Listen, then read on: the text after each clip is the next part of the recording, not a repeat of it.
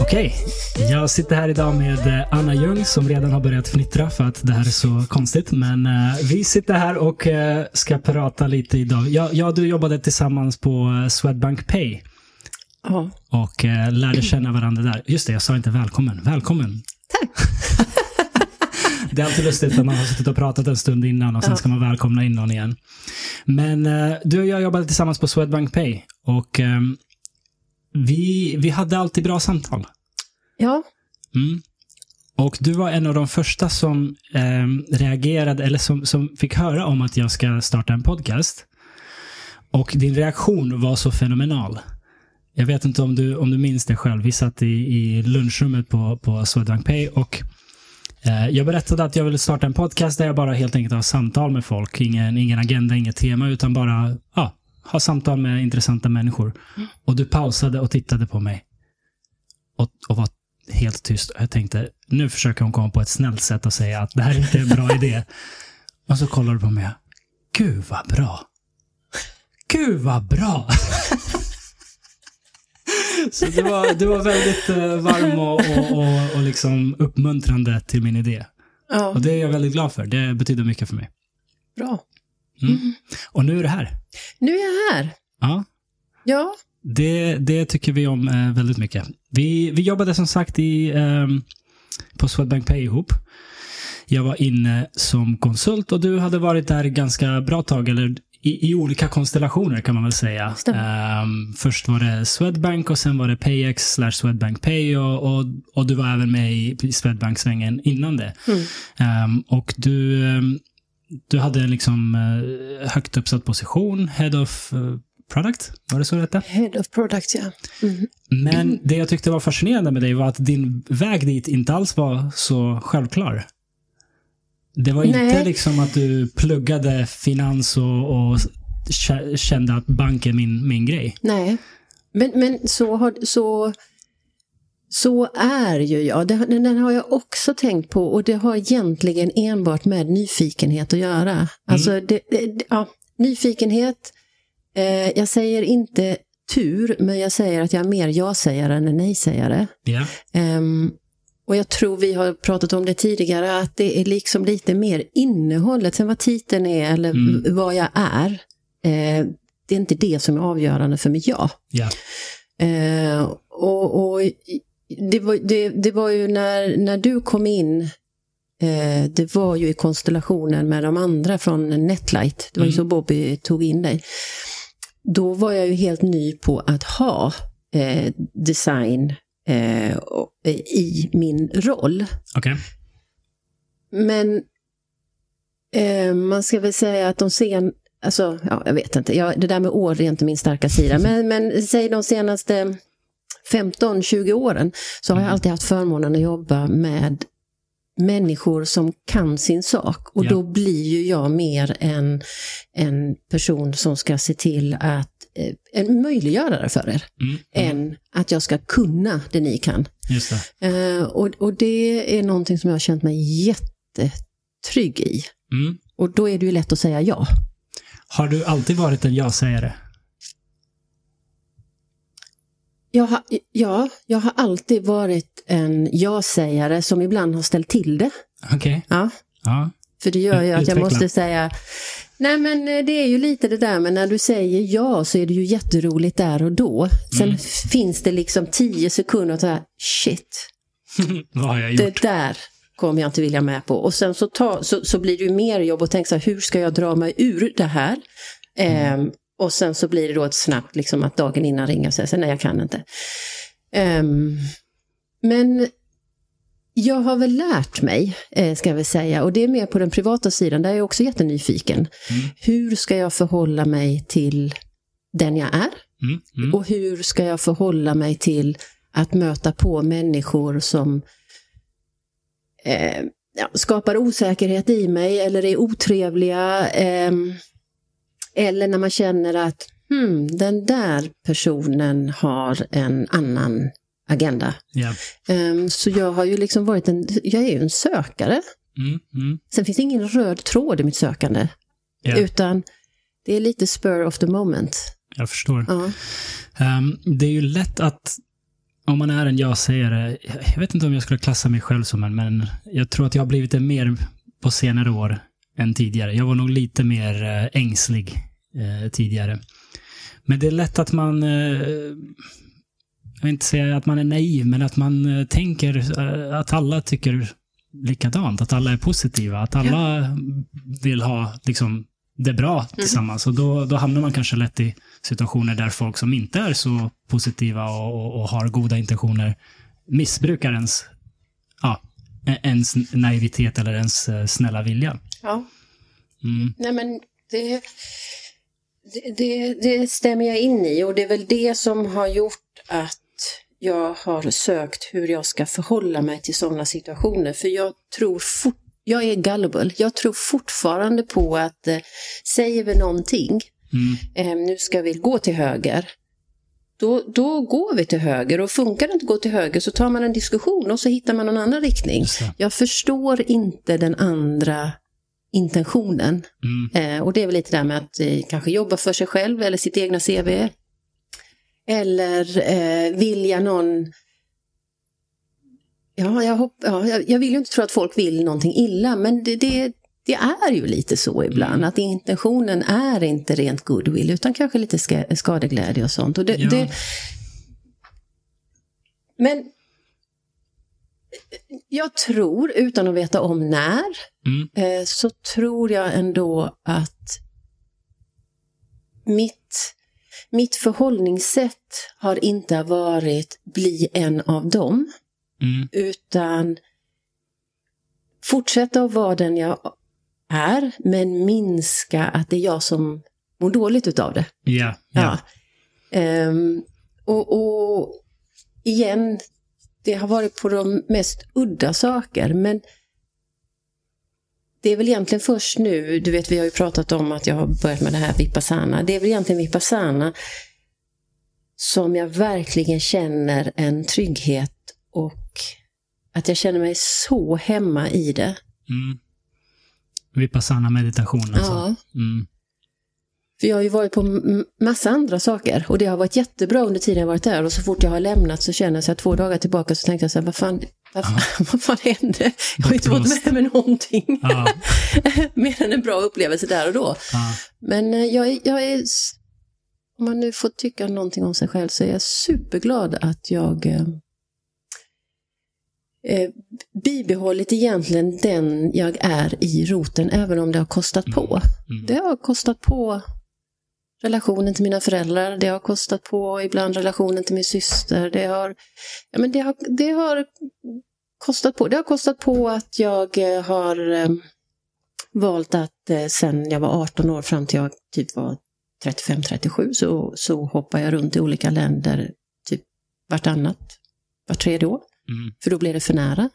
Ja. Då, då var jag tvungen egentligen att eh,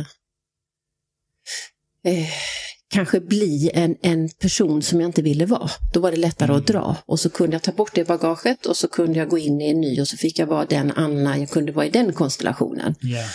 Eh, Menar du att ditt liksom ja, ja-sägande sätt tar, tar dig in i situationer där du blir någonting du kanske inte vill vara Ja. och sen vill du därifrån? Mm. Mm. För det var lättare, det var lättare att, inte flyg, jag kallar det lite flykt men så såg jag ju inte det då. Jag visste bara om att ungefär två år har man på varje ställe, sen blir du nästan lite rotad. Mm, ja. Och då kommer ju det där in med eh, lite mer att du måste ha en, eh, en kanske tillhöra en vänkrets eller eh, ha en pojkvän eller flickvän, vad man nu än vill ha. Ehm, och hade du inte det så kanske du skulle förklara dig och så, och så sådana saker. Och det. det. blev för nära för mig. Ja. Eh, så, så, så då valde jag att eh, då skuttar vi till något annat land och sen så kunde jag vara den personen jag skulle vara. Lite kameleont har jag varit. Ja. Ja. Vilket gjorde att jag slutligen inte visste vem fan jag var. jag förstår det. Nej men helt ärligt. Ja. Sa någon att det regnade ute och det var solsken så sa jag absolut det regnar. Mm. För jag, jag, du vet, jag var som...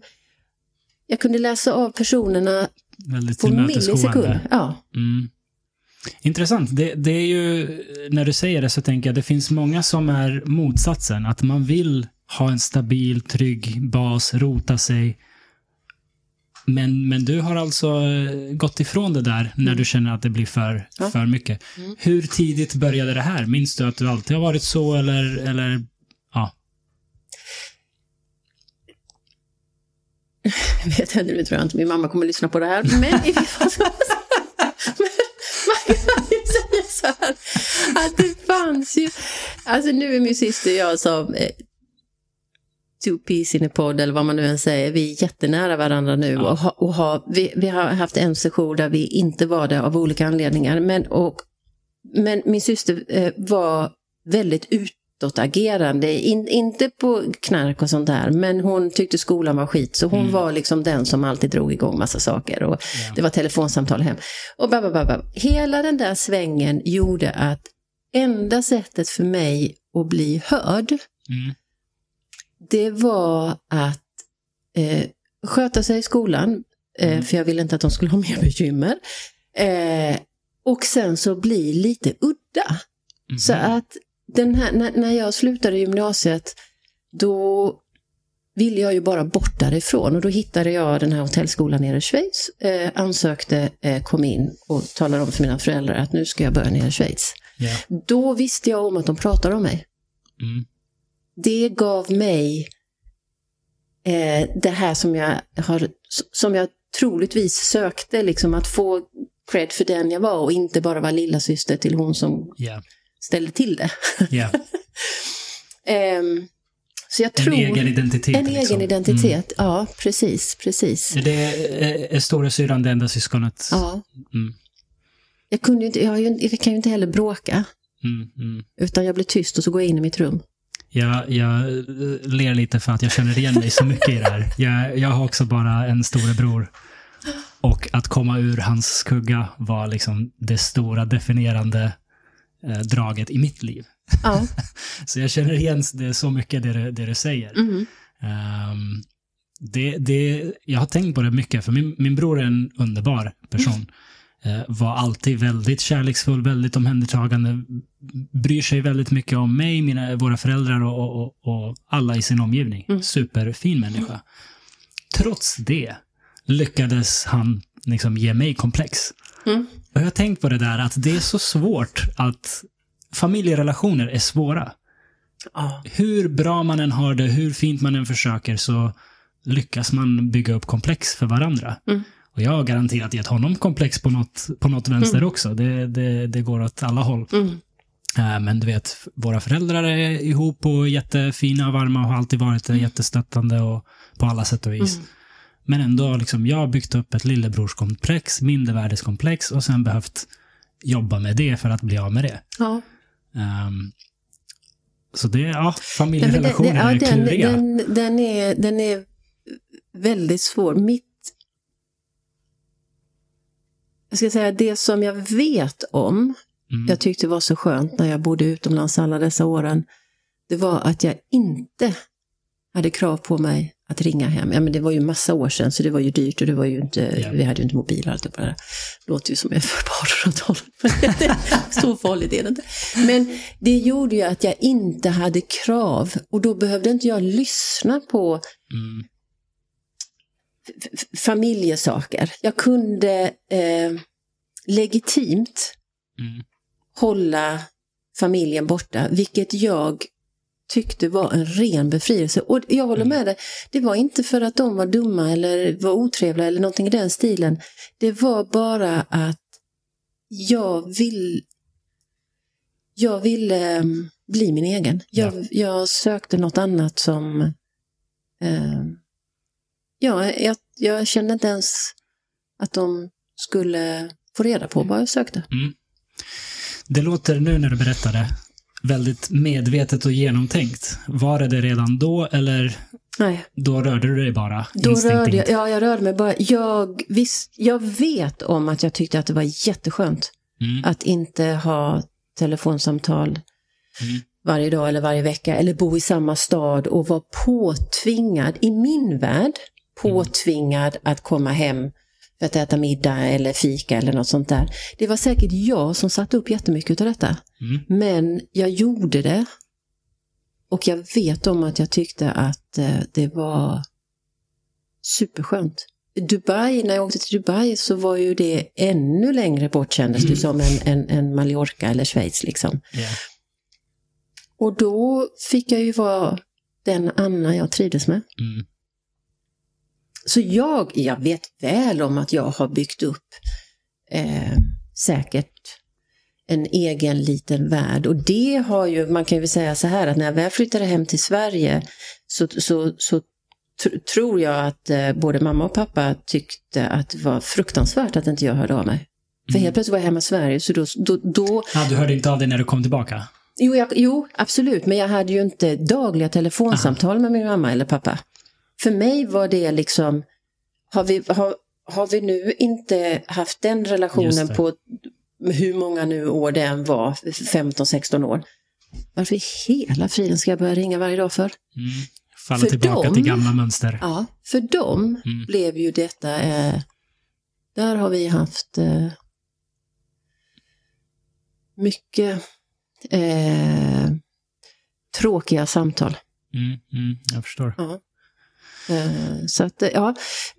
Men eh, där har jag, jag har nog, jag, nog, jag har stått på mig där för att det är inte jag. Jag, jag När, när började det här lossna då? Ja, då kan man ju säga att det var ju en ny situation så då sökte jag igen. Hur fan ska jag förhålla mig till detta? För att jag vill inte jag vill inte säga upp bekantskapen med mina föräldrar. Mm. Ehm, jag vill veta om att jag har en mamma och pappa. Jag vill liksom ha en relation. Mm. Men inte det de påtvingade mig in i, för typ av relation. Ja. Så då gick jag ju hos en, en eh, person och hade väldigt bra samtal med den och fick liksom lite tips eh, på hur jag kunde förhålla mig. Min mamma kunde ju ringa och var, jag hörde ju på rösten att hon var redan så arg så hon väntade ju bara på en liten, liten sak för att explodera. Ehm, och hur då jag skulle liksom lära mig att säga så här, vet du vad att eh, mm, eh, om du och jag ska prata så vill jag gärna att du ringer och är trevlig. Och Ja. kan du inte vara trevlig så lägger vi på och så får du ringa tillbaka när du känner att du kan prata. Så att Mm. jag inte hamnar i skottgluggen för någonting som, nej men det här kan man ju inte acceptera. Ja. Men eh, jag tycker inte om bråk heller så det gällde att hitta liksom ett sätt som kändes bra för mig. Mm. Och efter de här, det, det går lite i toppar och dalar fortfarande, men emotionellt så mår jag inte dåligt av det längre. Mm. Det, det biter sig inte här, för det är inte jag som ringer upp och är otrevlig. Ja. Det får någon annan äga. Ja. Ja. Så all, alla de här, vad ska vi säga, jobben jag har gjort i mitt liv och sökandet och sånt, det har ju gett resultat Mm. för mig. Mm. Och nu kan jag ju, och sen har jag talat om väldigt tydligt för min mamma att det, det här är jag. Du får jättegärna ringa men jag, jag ringer ju för fan inte någon varje dag. Nej. Och så vidare och så vidare. Så att jag tycker att det har blivit eh, bättre.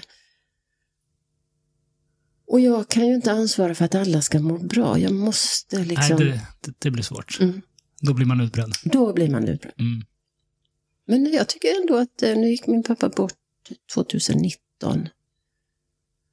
Ehm, och jag tycker att liksom eh, relationen med mamma är väldigt fin och hon har det bra och de hade mycket vänner så att jag känner liksom att eh, det där går bra. Skönt att höra. Ja, ja. Ehm, du nämnde att du, du gick på, efter gymnasiet ville du till Schweiz. Eller nej, vänta. Gymnasiet var i Schweiz. var Nej, det var? efter gymnasiet så hittade jag den här annonsen på hotellskola i Schweiz. Hotellskola, så var det. Mm. Ehm, vad lockade dig till det? Var det bara att komma iväg eller kände du att hotell... Jag hade Turism ingen hade varit- aning om hotell. Hade, vet, jag kommer inte ens ihåg att jag hade någon riktning. Mm. Jag gick ju humanistisk som det då hette, så det var ju lite språk. Eh, Så det var ju ingen eh, sån här rocket science-linje direkt. Så att den, Mm. alltså den är ju gör vad du vill sen, förutom att du kan inte bli läkare. Liksom. Ja. Nej. Eh, så den, den här, eh, det här kommer bara upp någonstans kan jag tänka mig. Och så eh, sökte jag. Det jag visste om att det var att jag ville inte bli kvar i Halmstad. Ja.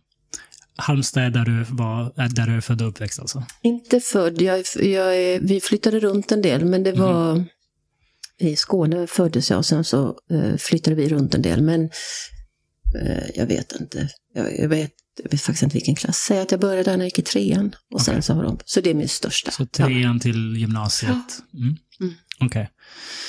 Hur var Schweiz? Hur var det att åka till Schweiz och för första gången kliva ur skuggan? Ja, men det var... Vet du, jag, jag kommer inte ihåg en enda gång där jag tänkte, vad har jag gjort? Det, hur mycket jag än försöker provocera fram, borde ha varit dåligt. Nej, Abba vann och ja, då var det ju inte så dåligt. Det var fantastiskt. Ja. Jag hade så fruktansvärt roligt. Så att det var ju som att släppa in ett gäng människor på grönbete. alltså, herregud. Du var s- 18, 19? Ja, vad är man när man går ut? Ja, Bara- man är väl 18 va? Ja, man är jag. 18-19 Mm. där. Ja. Ja, åker till Schweiz och festar loss med andra Och det var ju från från hela världen. hela eller? världen. Mm. Eh, och så var det internat. Och det var olika åldrar Okej. eh, på det här. Och det fanns en tysk inriktning och så fanns det en engelsk inriktning. Så jag gick ju givetvis på den engelska. Mm. Och så bodde man på skolan. Och så var det det tyska systemet. Det var ju inte jag van vid att en Okej. minut då är dörren stängd. End of story. Mm. Ehm, alla prov räknades, så det var ju inte så att du fick ett A eller ett E, utan du fick 10,9 utav 23,7 möjliga. Förstår du? Det var, det, Ah. det var så här. Men jag trivdes i det, för jag visste Ja. exakt vad som förväntades och jag fick exakta resultat tillbaka.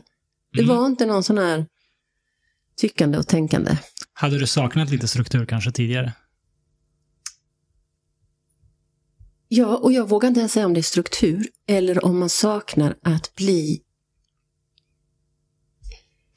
inte definierad utav hur många femmer som sattes, därför får du en fyra. Förstår du att, att jag Mm. kanske saknade mer Ah, att bli okej. sedd Mm. och, och att det här var mitt resultat. Jag var inte Ja. bara en gäng treor, då fick du också en trea. Förstår du vad jag menar lite? Ja, Här var det väldigt eh, eh, tydligt, det var väldigt uppstyrt. väldigt uppstyrt. Mm. Hur länge var det där? Eh, det var där i ett år och sen hade vi ett år praktik. Okej. Så då var jag i Genève och jobbade hotell. Och det här med att eh, den minuten dörren stängs, det respekterade ni hela tiden? Det Ja, var, vi hade- det var aldrig några... Nej, det, det fanns inget val. För Jaså, efter, var nej, så? men typ efter tre gånger så fick du en varning, fjärde gången så åkte du hem. Det var så hårt Ja, alltså? ja, ja, ja, ja, gud ja. Okej. Så det Ja, var så inte ni bara var på- duktiga på riktigt alltså? Där, på lektionerna var vi fan med duktiga på riktigt. Ja. Vad vi gjorde ute efter det. Det var ju en liten skidort. Så hade vi American Ah. College högst uppe på berget och sen så var det vår skola som låg. Så du kan ju tänka dig. Perfekt. Ja, det var roligt där. Det kan jag tänka mig. Mm. Jättekul. Vad hände sen efter de två åren? Eh, nej men efter jag hade gjort min praktik i Genève, Mm. då visste jag om att jag inte ville hem. Så då tog jag Intercontinental Hotel Dictionary Okej. och sen så skickade jag till alla Intercontinentals Mm. från den dictionaryn. Skickade ett brev? Brev. Eller? Det var Mm. brev. Eh, Du, du skickade en TikTok till allihopa? Ja, Exakt. typ. Ja. typ. Usch, vad hemskt. Kostade mycket pengar på frimärken. Eh, ja, då skickade jag det till det och då fick jag två svar. Ett var eh, att jag skulle vara, vad heter det här fina hotellet i Budapest? Ett klassiskt gammalt hotell. Ah, Skitsamma, det skulle byggas om så jag skulle vara med där och hjälpa till och sen så starta upp det. Och sen, det var ett jobb jag fick och sen så fick jag nästa jobb, det var på Intercontinental i Dubai Mm. Okej. eh, som Guest Relation Officer. Så du fick välja mellan Budapest och Dubai? Ja. Tufft. Vilket valde du? Dubai? Ja. För att det var längre bort? Nej, det var för att det andra var så oklart. Det var Mm. i en omkonstrueringsfas och då var jag alldeles för ung för att förstå vad betyder det liksom? Hur kommer jag in där? Ja. Eh, så Dubai var ju en mycket klarare, tydligare eh, roll. Mm. Ganska modig grej att göra som, ja, vad var det då? Då var du 20-åring kanske? Mm. Att bara skicka brev till en massa hotell runt om i världen och säga tja, kan jag få jobb? Ja, Det, det, är, en, det är en modig grej att göra. mm. jag har kvar många svar. Ja, Jätteroligt att se svaren. Det kan jag tänka mig. Ja, eh, ja så det, då, då hamnade jag där. Och Mm. då, då fick, det var ju då du var tvungen att ha vis, visa och sen så var du tvungen att ha en representant från det bolaget du skulle jobba på som, som stod och väntade på dig på flygplatsen och, och tog emot dig, annars kom du inte in. Okej. Dubais flygplats var som ett hål i väggen. Ja, men om du Mm. tänker dig Ängelholms flygplats var stor. Eller, ja men du vet. Så när vi kom då hade jag suttit bredvid en man som jobbade med shipping i, eh, i eh, emiratet Sharjah Mhm. som var det stora eh, hamnemiratet. Eh, och han hade ju varit där många gånger, så han förklarade för mig hur det här skulle gå till och att eh, då måste din representant hämta det och sådär. Men han sa, det kommer jag så väl ihåg och jag önskar att jag hade fått träffa honom igen. Men han sa att jag sitter med dig tills någon hämtar dig, så du kommer Okej. inte vara ensam. För om det ingen hämtar dig så satte de dig på planet tillbaka. Mm. Och passkontrollen öppnade inte förrän två eller tre flyg hade kommit, för det såg de inget behov utav. De vill Det samla var ihop så tillräckligt litet med folk. Liksom. var Dubai då. Gud vad lustigt. Jag tänkte precis fråga det, för Dubai har väl exploderat Ja. senaste 20-30 åren eller någonting sånt. Ja. Så hur, hur var Dubai på den tiden? Ja, men alltså jag kommer ju bara, jag har varit tillbaka några gånger där. Och jag kan ju bara säga så här att jag är jätteglad att jag såg det då. Ja. Sen är det säkert fantastiskt nu också, men jag är väldigt glad och fick göra min Ja. att jag arbetade där då. Då var ju ehm, eh, vi som var expats, vi, eh, ehm, eh, där fick ju då vi kvinnor komma in och jobba också. Men om du var eh, eh, fru till en man som jobbade där så fick ju Mm. frun inte jobba. Så Okej. det var ju väldigt många expats fruar som eh, bodde där. Men vi andra tjejer som hade fått ett jobb, vi fick jobba. Och sen fanns det ett varuhus med AC. Okej. Ett litet varuhus med AC. Det är väl Ja. ungefär mindre än Willys-butiken här i Ja. Sumpan. Ehm, och sen så fanns det, man skulle kunna tro att det fanns ett regelverk, men det fanns inte mycket regelverk. Så Okej. det var ju så fruktansvärt roligt. Alltså sådana fester har jag nog aldrig varit med om. Okej. Ja, Så redan då hade de festerna kanske till och med bättre fester? de nu? hade bättre fester, för det var ju bara all...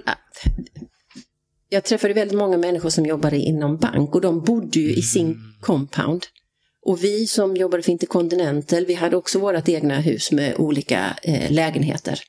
Så att man fick ju inte bo överallt och hur som helst, utan då var man ju så här stationerad. Där bodde BBMI-killarna, där bodde Ambro-grabbarna och där, där, där. Ja. Och innanför de compoundsen Ja. så var det ju party. ja, det kan jag tänka Och mig. det var ju bara vi experts som fick köpa sprit. Så vi hade ju som små Mm. motböcker, motbok. Ja, Mm. okej. Ja. Och så fick vi åka och handla. Så fanns det en bar eh, som inte tillhör ett hotell. Där fick också vi bara experts komma in. okej. Så det var ju helt... Att köpa alkohol, vad, gjorde man det i vanliga affärer eller hur? Ja, hur då fick man gå in på Spinnis. Spinnis? Spinnis är detsamma som Ica, typ. Okej, ja. Och så var där ett hål i väggen eller något sånt. Fick man gå Ja. in där och så skrev de in i boken och så fick man bara handla för, jag vet inte, jag vet inte hur många dirham per månad det var. Sen ja. var det klart.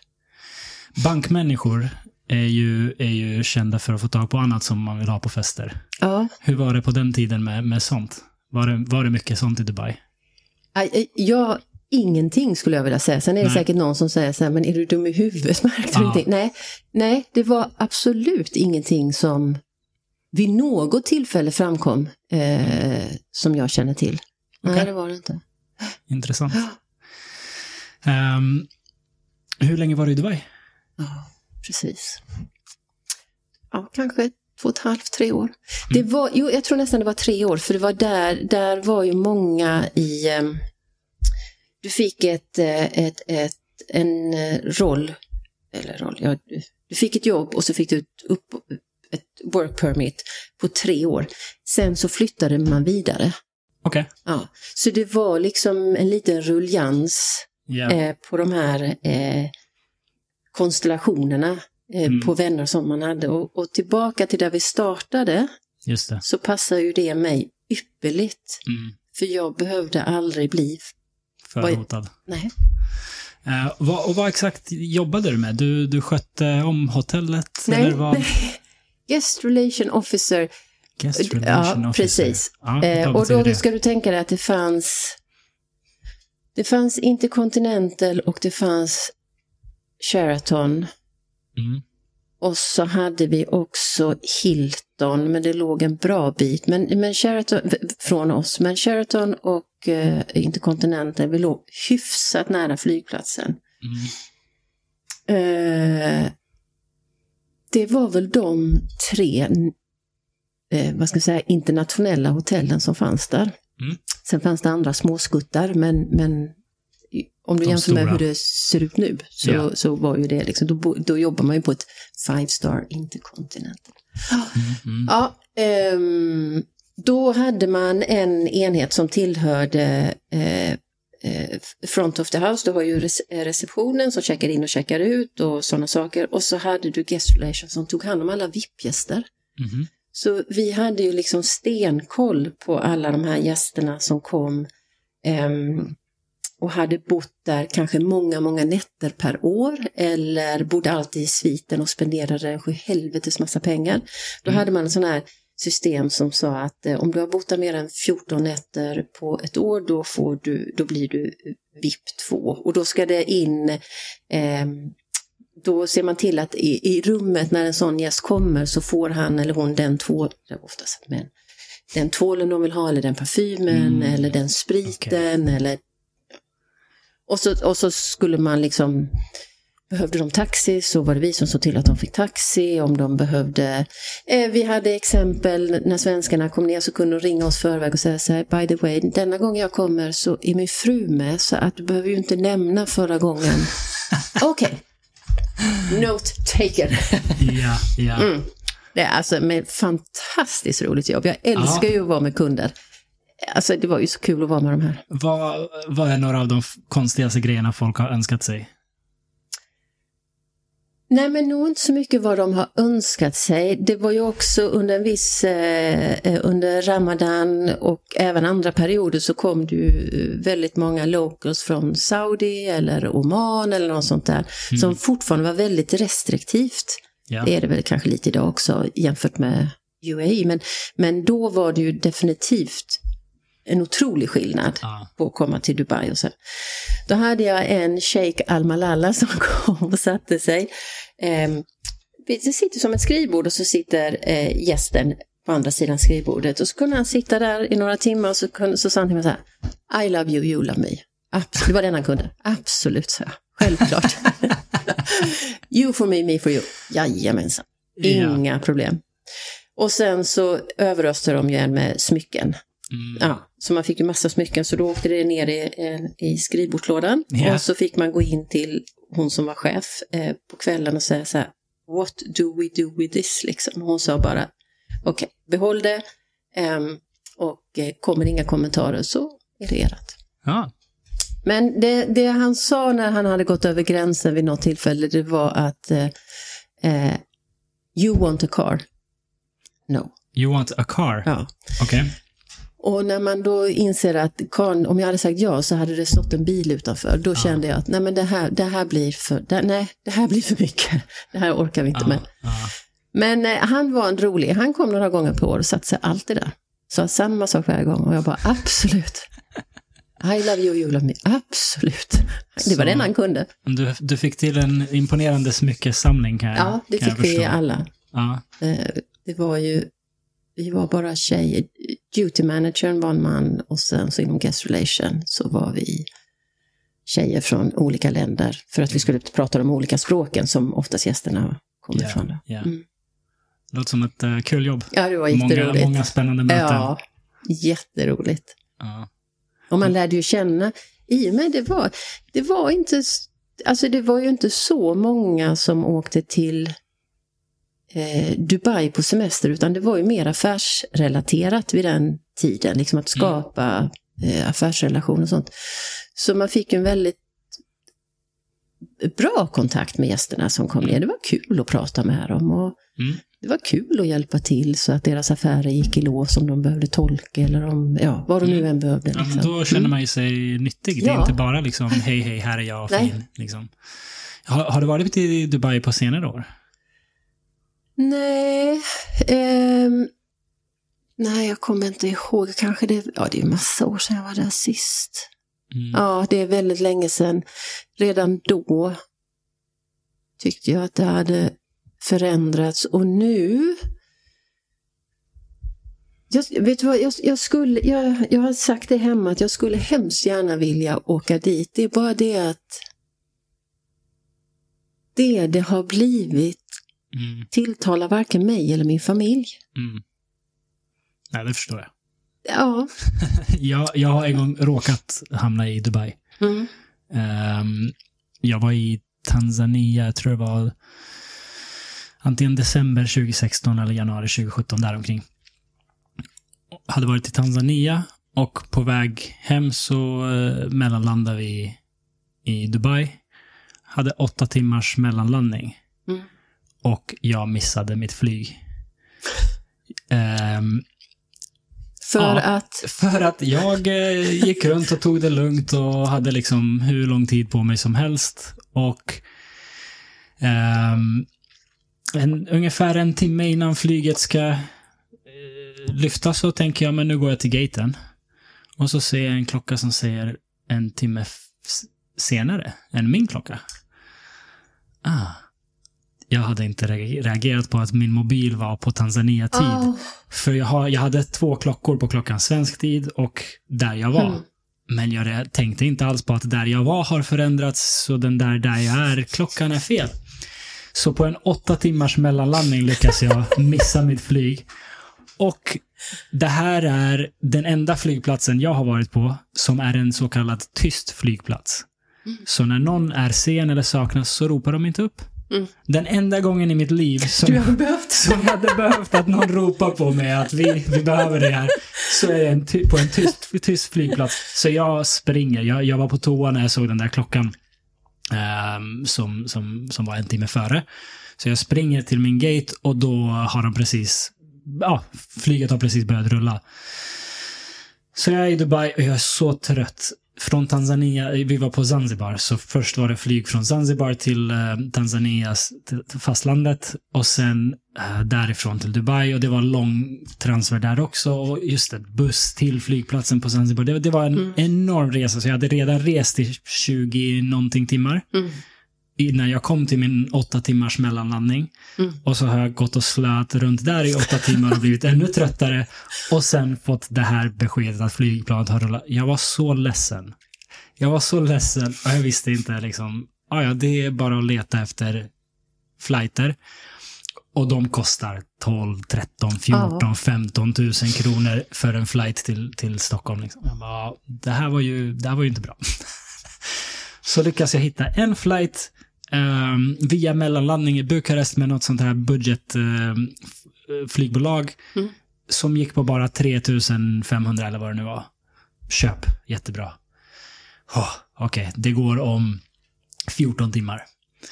Ah, ja. Jag går till eh, någon i receptionen för jag lyckas inte hitta den här, eh, vad heter det, gate, eh, delen av flygplatsen. Mm. Så jag frågar henne, var, var hittar jag den här delen av flygplatsen? Ja, ah, det är en annan flygplats. Ah, Okej, var är den flygplatsen? Helt andra sidan stan. Liksom. Du, får ta, du får sätta dig på tåget och eh, ta dig dit. Ah, ja, okej, så jag får liksom stämpla in i Dubai. ehm, hoppa på tåget och tänker nu har jag 14 timmar på mig. Jag går och kollar in någonting häftigt. Så jag, jag drar till Burj Khalifa där jättehögt. Jag tänker, ja men jag drar dit. Uh, jättefin solig dag, promenerar runt. Det, det är enormt eh, en, en enorm byggnad. Mm. Väldigt magnifik. Jag kommer dit och tänker, ska jag åka upp? Det kostar typ 2000 att åka upp med en hiss. Jag tänker, nej, fy fan. Så jag ser det, går ut och promenerar lite grann och jag är så trött så jag tänker, jag orkar inte turista. Jag bryr mig inte om hur mycket tid jag har kvar. Jag, jag måste ta mig till flygplatsen och bara vila. Jag, Mm. kan, jag har jättesvårt att sova. Jag kan inte sova på flygplan, jag kan inte sova på bussar. Så jag, jag har varit vaken nu i 30 timmar. Oj, jäklar. Aj, det är för mig stört omöjligt att, att sova på, en, på ett flygplan eller på en flygplats eller så. Mm. Så jag är så trött så jag vill bara vidare. Sätter mig på det här tåget och det är verkligen hela, alltså från en station till en station ska jag ta mig. Så tågresan tar, jag vet inte, en och en halv timme och så har jag, håller jag koll på stationerna. Det är bara några stationer kvar. Eh, så säger de nu är det stopp här för det är ombyggnad så härifrån får ni ta ersättningsbuss. Ha. Hoppar av. Ehm, Ersättningsbussen är där. Det, det, går ganska, det är ganska uppstyrt. Sätter på den. Alltså Dubai är enormt. Mm. Jag, vi fortsätter åka med ersättningsbuss och det tar kanske en 40 minuter bara ersättningsbussen till den stationen som då var där jag skulle hoppa av.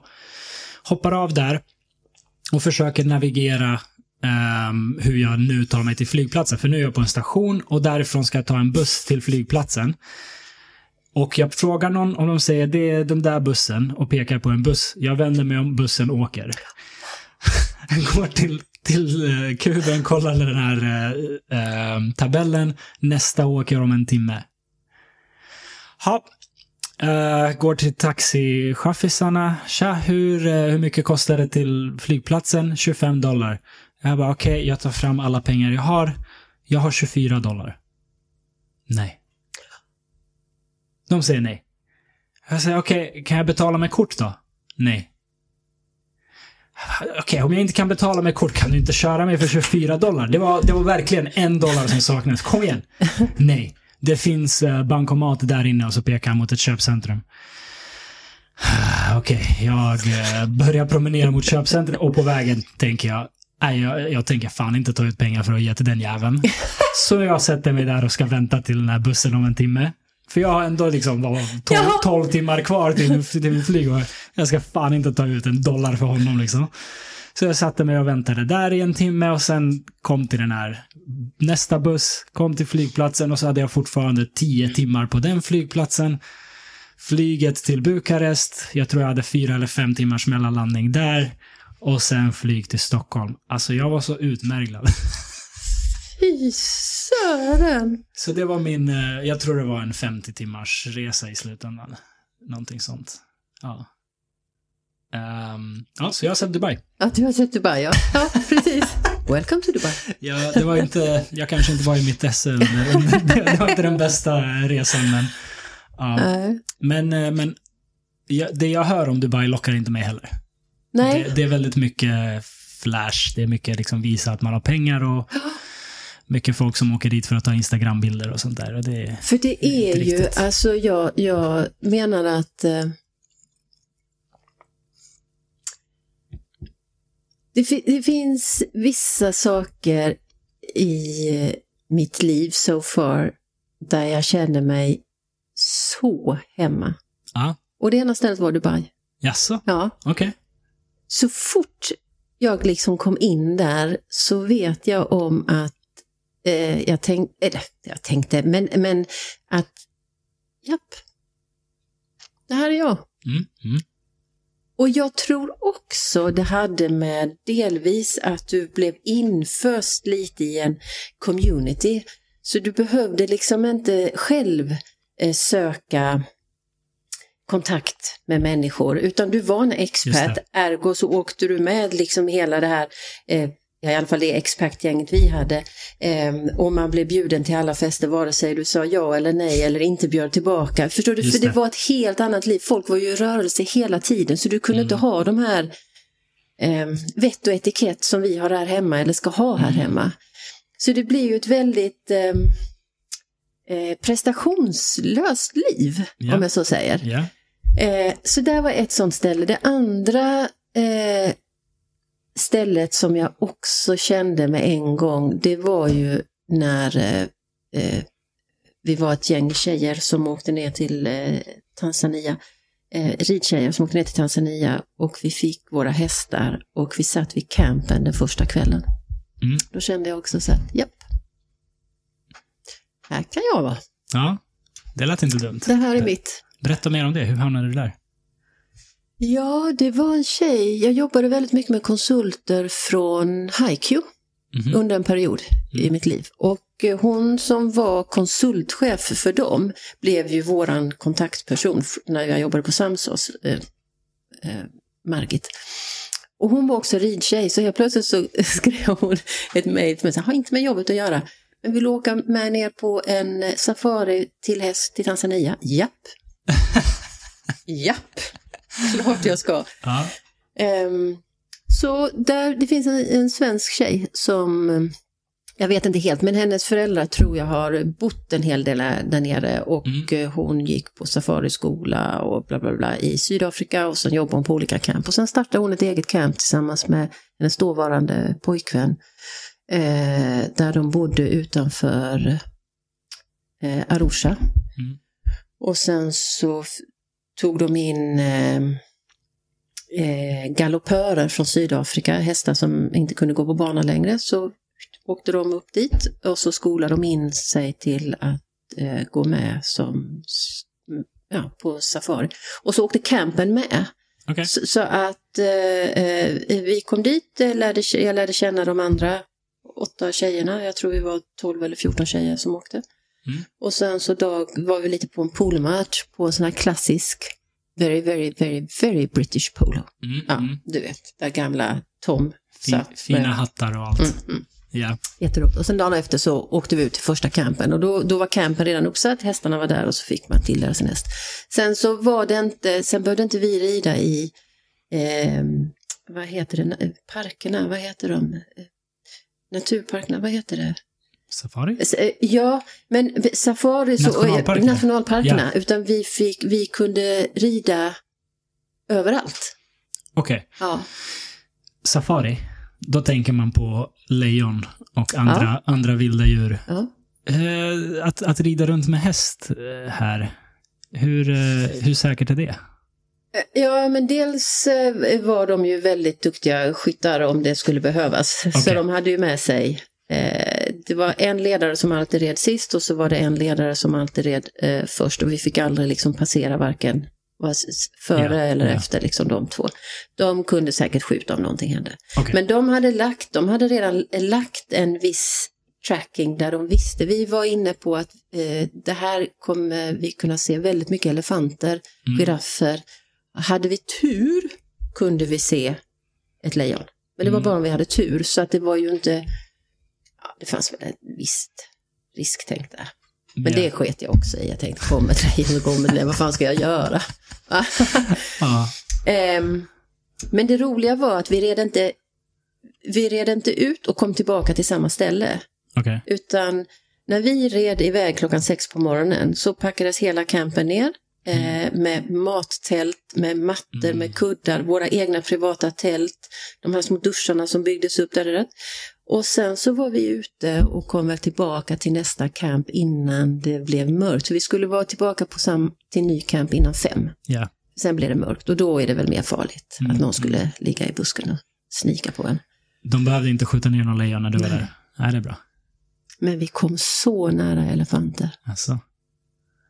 Helt fantastiskt. Vet du vad det bästa är? Att göra det till häst, det är ju att djuren får inte vittring på människan. Mm. Häst, hästlukten tar över liksom. Ja. Hmm. Vilket gör att vi är ju ingen fara. Men är inte, jag tänker att hästar är ju, det är ju inte vilddjur direkt. Nej. Men, men de, vilddjuren kopplar inte att det här är tamdjur som oftast kommer med människor. Inte när vi var där, så vi kom ju Så de är inte så smarta elefanterna ändå. Nej men de är ju så vackra och söta. Alltså shitamente. Alltså jag var i är mitt, alltså dess, elefant har alltid varit ett djur sen, Ja. jag vet inte hur länge som jag alltid har älskat. Älskar mina elefanter. Jag var nyligen i Thailand och då Åh. var jag på en sån här sanctuary där de räddar dem från eh, ja, fångenskap och tivoli och allt vad det är. Mm. Och vi fick mata dem och klappa dem och det var så mysigt. De är så gulliga elefanter.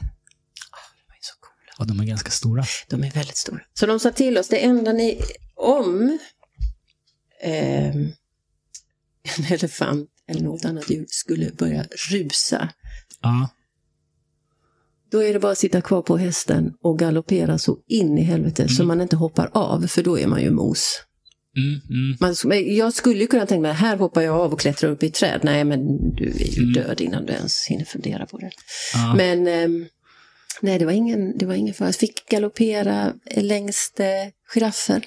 Ja. Jag har aldrig sett dem röra på sig. Alltså de är ju så stora och det går ju så långsamt, så långsamt och benen det bara flattrar och sådär i huvudet. Galoppera mitt i flocken med zebror och... Gud vad häftigt. Ja. Nej, det var... Nej, så där kände jag mig hemma. Så jag har lite sån här... Jag är...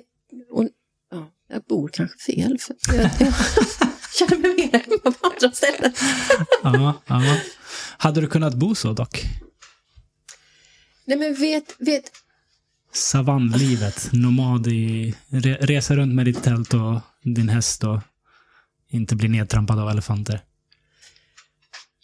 nej, men jag har ju en läng... Jag har alltid en längtan till en, en...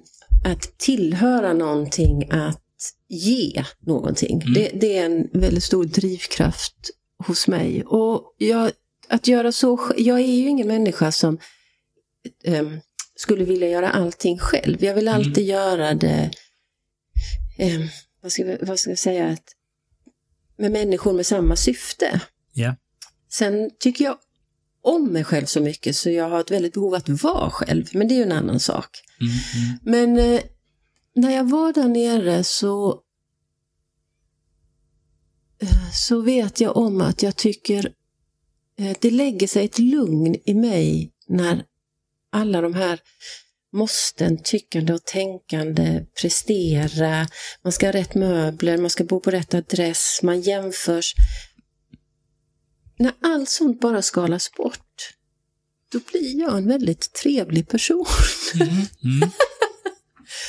Nej, men jag, jag känner mig så hemma och jag skulle... Så det kan du väl göra nu också, men förstår du, jag skulle, jag skulle lätt vilja bo där och hjälpa ehm, eh, kvinnor att starta små mikrobolag så att de drivs fram, Mm. eller för flickor och pojkarna. Alltså med, med, en, med en sund intention, inte för att jag ska få det på CV eller inte för att någon ska tänka så här, gud vad hon är schysst. Mm. Nej, genuint. Mm. Så tycker jag det är fantastiskt. Ja, då... Gillar du att vara del av ett syfte i, i grupp eller gillar du att skapa ett syfte för en grupp?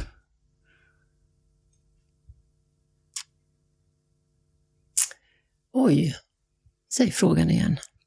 Du, du nämnde det att du gillar att vara del av ett, community där alla har ett gemensamt syfte. Mm. Tycker du om att det är någon annan som liksom definierar det syftet och du kommer in och du gör din roll och, och, och passar in i communityt? Eller föredrar du att vara e- en ledande figur i att skapa ett syfte? Att, att skapa en community som alla drar åt samma håll? Jag skulle vilja säga det sista, Mm. men där kommer tyvärr min prestation in och min rädsla eh, för vad alla andra ska tycka. Mm. Så jag är nog en mer glider in på det första, Mm. sen kan jag gå över till det andra. Ja. Mm. Det, är- det är vanligt. Ja. Det, de flesta uppskattar ju när det finns Mm.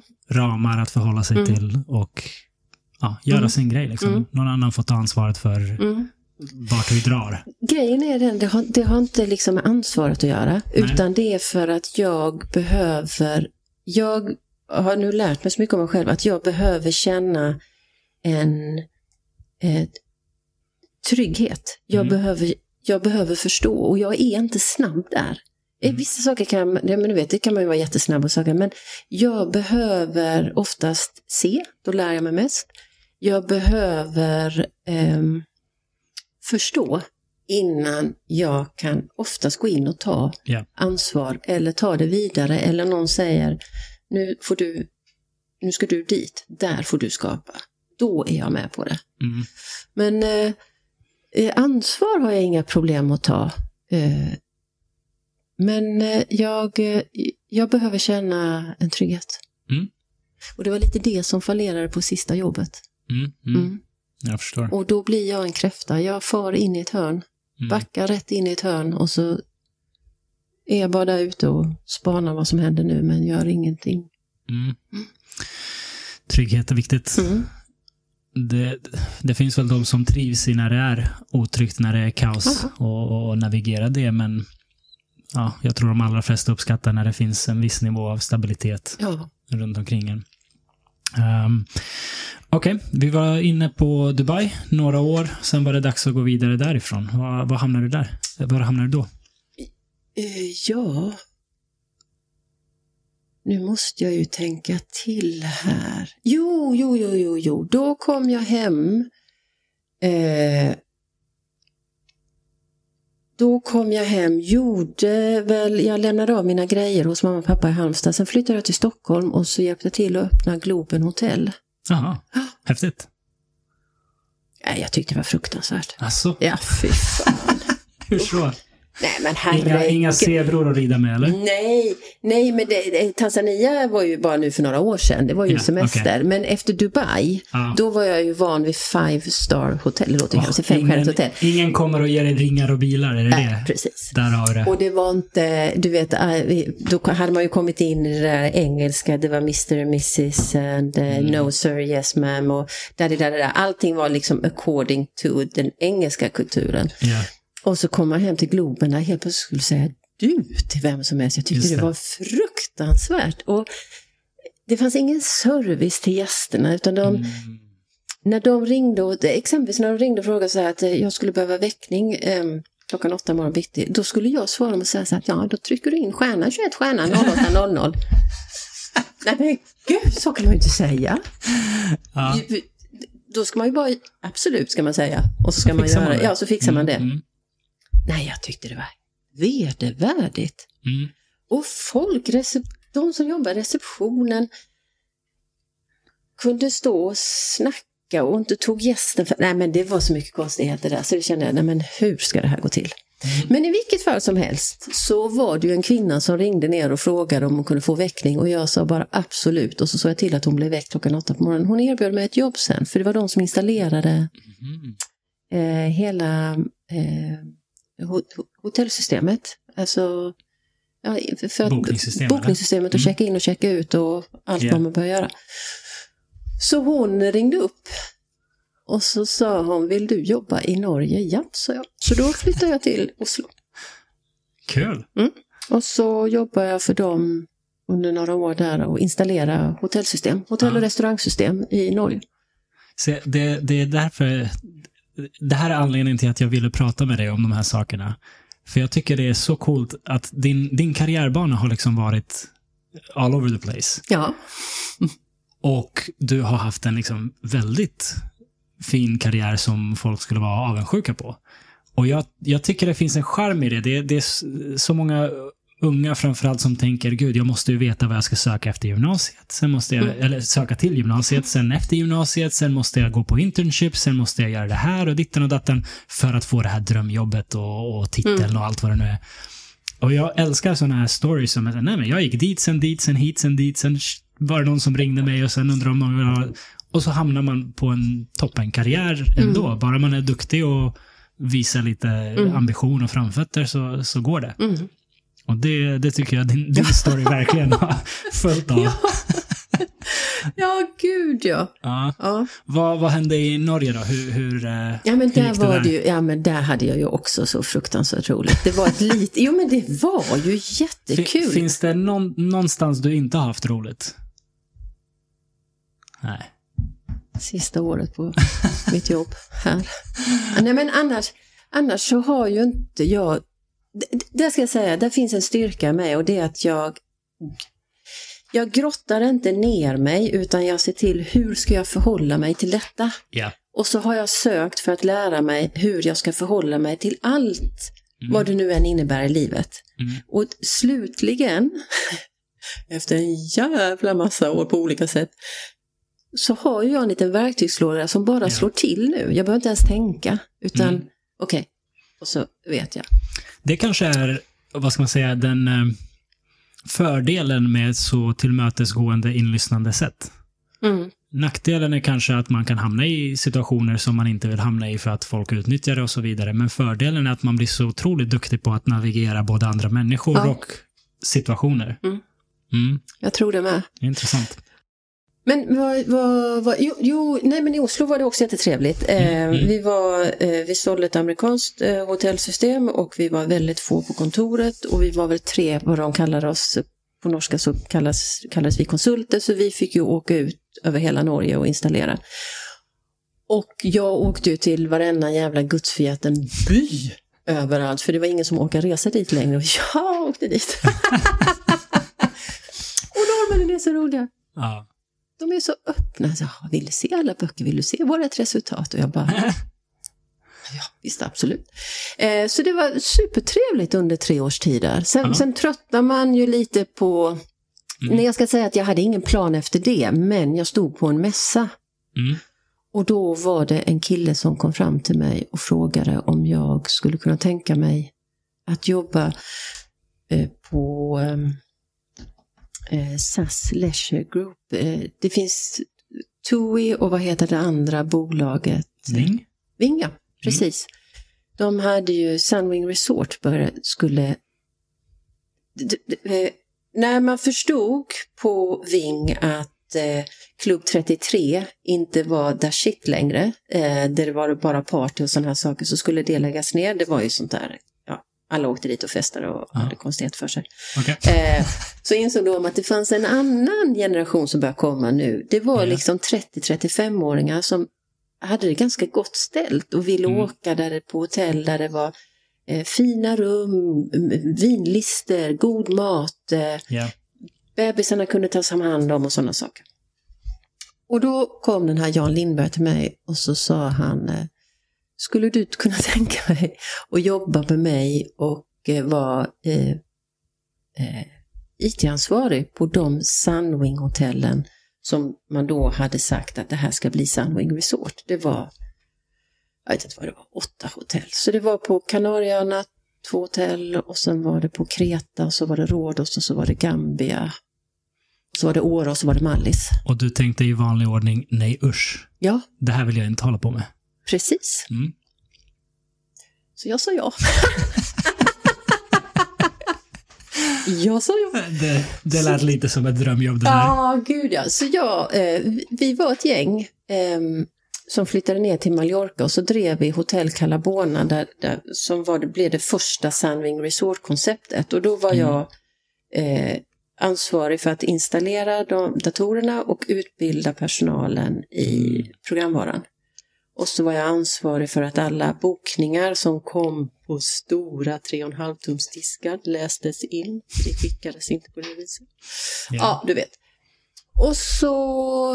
Eh, och allt annat som var... An, eh, ett, ett par var ansvarig för hela eh, mat och dryckdelen, alla restauranger, Mm. ombyggnationer. Ja, men det, vi gjorde ju om hela hotellet till ett fantastiskt hotell. Och vi hade arkitekter med oss hela tjuvvippen. Det blev hur alla andra hotell skulle se ut. Så Mm. sen åkte vi över till... Så byggde vi om hotellen eh, när de var stängda. Ja. Så på Kreta och Rhodos satt vi ju vintertid och så byggdes det Mm. om och sen skulle det öppnas upp då.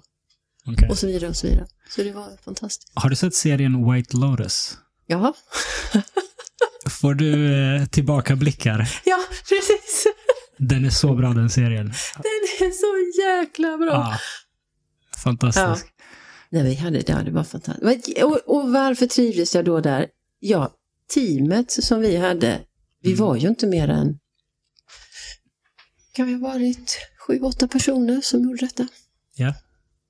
Och så att vi fick driva ett hotell också, så vi blev väldigt sammansvetsade. Mig. Men det var ju inte så att vi var åtta som åkte till varje hotell. Ena minuten Mm. så var det jag och någon mer som var där, nästa minut var det någon annan. Så att, liksom, Ja. Men det blev ju otroligt sammansvetsat och man visste exakt vad Mm.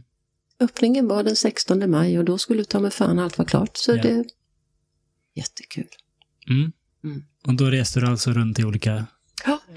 semesterorter och, och styrde upp hotell? Ja, vi bodde, vi hade, alla hade sina, eh, sitt boende kvar på Mallis och så Mm. åkte vi liksom därifrån Mm. till de Härligt. olika. Mm. Hur, eh, hur länge höll du på med det? Jag tror att vi tog...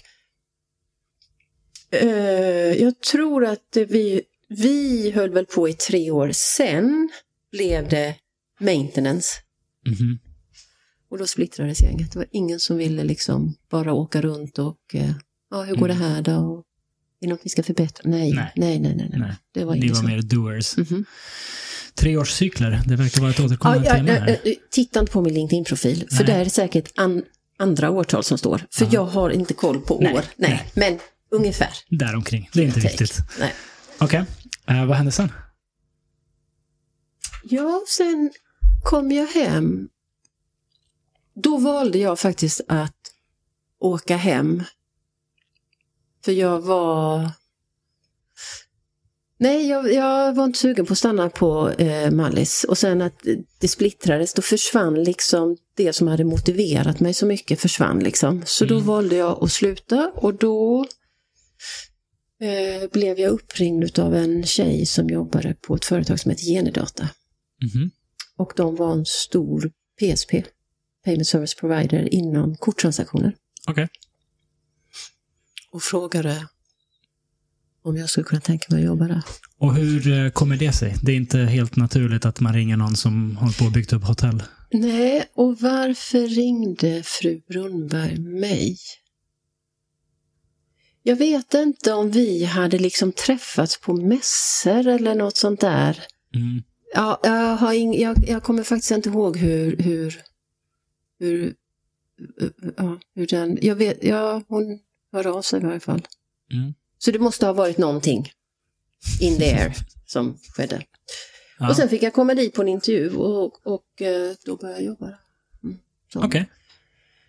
Vad hette det då? Projektkoordinator tror jag det hette. Ja. Ja. Det är jätteintressant, för det du och jag pratade innan vi började spela in om, om jobbannonser. Mhm. Och hur det liksom står så uppspaltat. Du ska kunna det här, du ska kunna det där, du ska ha den här utbildningen, du ska jättegärna ha den här erfarenheten och, erfarenheten och så vidare.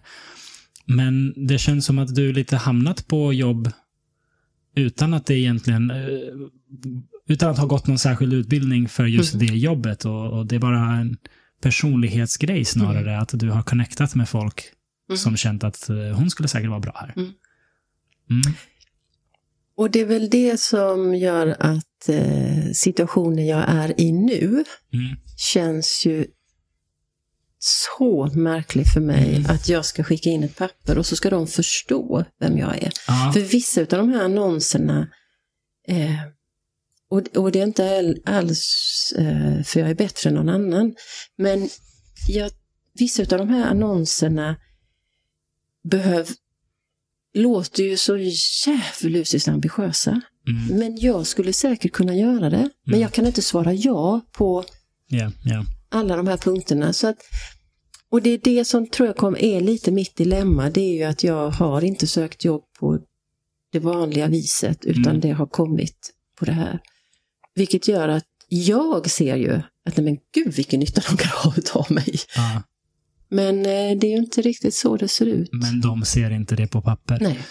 Nej, nej, nej. Men det samtidigt så vet man ju fortfarande att kontakter är det viktigaste som Ja. finns i arbetslivet. Men jag jag har varit det dålig där. Det Ja. låter inte som det. Nej, men jag har varit jättedålig på nätverk. Mm. Det märker jag nu. Du kanske har haft naturliga kontakter så att säga med folk, Exakt. men inte ansträngt dig för att skapa ett Nej. nät. Nej. Mm, jag förstår. Mm. Men ja, så, så det är ju fortfarande väldigt viktigt med personliga Mm. eh, connections och, och, och personliga möten. Men jag vet inte, jag, jag, det har säkert blivit mer viktigt med det formella för att allt är digitaliserat och man söker online Mm. och så vidare. Men jag vet inte, jag, jag tycker det ofta känns som att det är två parallella världar. Mm. Det är liksom den här uppstyrda, formella online-ansökan-världen med Mm. CV och, och erfarenhet och allt vad det nu är. Och sen är det parallellt det som egentligen är viktigt och det är vem känner vem och hur, vilka har man jobbat med tidigare. Mm. Ja. Jag är bara, jag är, i och med, det vet vi både du och jag, i och med jag har suttit liksom hela med den här rekryteringsdelen under så många år, Mm. så vet man ju också om att som företag, som bolag, så måste du annonsera. Exakt. Mm. Det, det och med finns det krav. sagt Mm. så är jag också medveten om att kandidaten redan är utsedd. Mm. Ofta. Ja. Mm. Vilket gör att det blir ju liksom lite tokigt här och då, då, då är det ju också så att det här med nätverk, är det någonting jag skulle rekommendera mina barn så är det att eh, hur jobbigt det än är eller om man tycker att det är onödigt så är nätverk, det är ta mig fan A och O idag alltså. Mm. För jag tror att det tillsätts mer genom kontakter än på annons. Mm. Jag, jag lyssnade på, jag tror jag pratade om det här i, i något avsnitt nyligen, men eh, jag, jag lyssnade på en podcast om att skapa sin egen tur. Mhm. Ehm, och då är det en snubbe som pratade om lite olika sätt, lite olika knep man kan tillta för att, ehm, vad ska man säga, öka chansen för att ha tur här i livet. Och jag, jag minns bara en, ett sånt där knep eh, som han pratade om. Um, och det var att när du träffar en person och presenterar dig själv, att du inte bara säger ja men hej, jag heter Yoshi och jag är copywriter. Utan att du säger två, tre saker. Hej, jag heter Yoshi, jag är copywriter. Men egentligen, ja, vi pluggade jag ingenjör och nu tycker jag podcasting är typ det roligaste som finns, för jag har nyligen startat en podcast. Då har man plötsligt slängt ut tre potentiella linor som de kan tänka, ja men jag har en vän som håller på Just med det det. här, eller jag är själv intresserad av podcast, eller vad det nu Mm. må vara. Men att man på så sätt ökar chansen Mm. för att ha fler tursamma, så att säga, möten. Ehm, det tycker jag är Det väldigt ligger lite intressant. i det. Ja. Det, det, och det tror jag är, de som är duktiga på att nätverka är antagligen duktiga Ja. på det här naturligt. Mm. Att lyfta de saker som de tycker är relevanta för andra att känna till, som förhoppningsvis kan hjälpa dem och Mm. hjälpa andra framåt. Eh, För mig har inte nätverkande kommit naturligt heller. Jag jag har behövt bli bekväm med det Mm. sen jag blev egenföretagare. Mm. Um, men sen jag lyssnade på den podcasten så har jag aktivt tänkt så när jag träffar folk. Mm. Ja, men släng ut två, tre grejer som, som jag tycker är kul. Mm. Och det, det har lett till att folk reagerar på något av dem och, och man startar Ja, en konversation. ja. Sen behöver det inte bli jobb eller så, Nej. men, men det ökar chansen för att man har någonting gemensamt, att man har något att prata om, att ja, det Mm. finns någonting där. Så det, det är ett eh, bra tips till kidsen också om man, Ja, om man vill nätverka, att, att skapa förutsättningarna för att ha tur. Ja. Mm. Men det, det, det är ju en... Jag vet inte. Det, det är ju en... Eh, eh, det här med digitalisering, eh, det har jag absolut ingenting emot. Men det blir ju... Det blir liksom lite tuffare på alla fronter. För man, man, alltså man kan ju också säga så här att ja, du skickar in allting digitalt. Där bakom så ligger säkert ett system som redan sållar i viss mån. Ja. Sen så kanske du har system som säger att eh, ja, vi är intresserade av dig men du får göra de här testerna först. Innan man ens Mm. har träffat. Mm. Så hela den här face to face kommer ju längre och längre Ja. bak.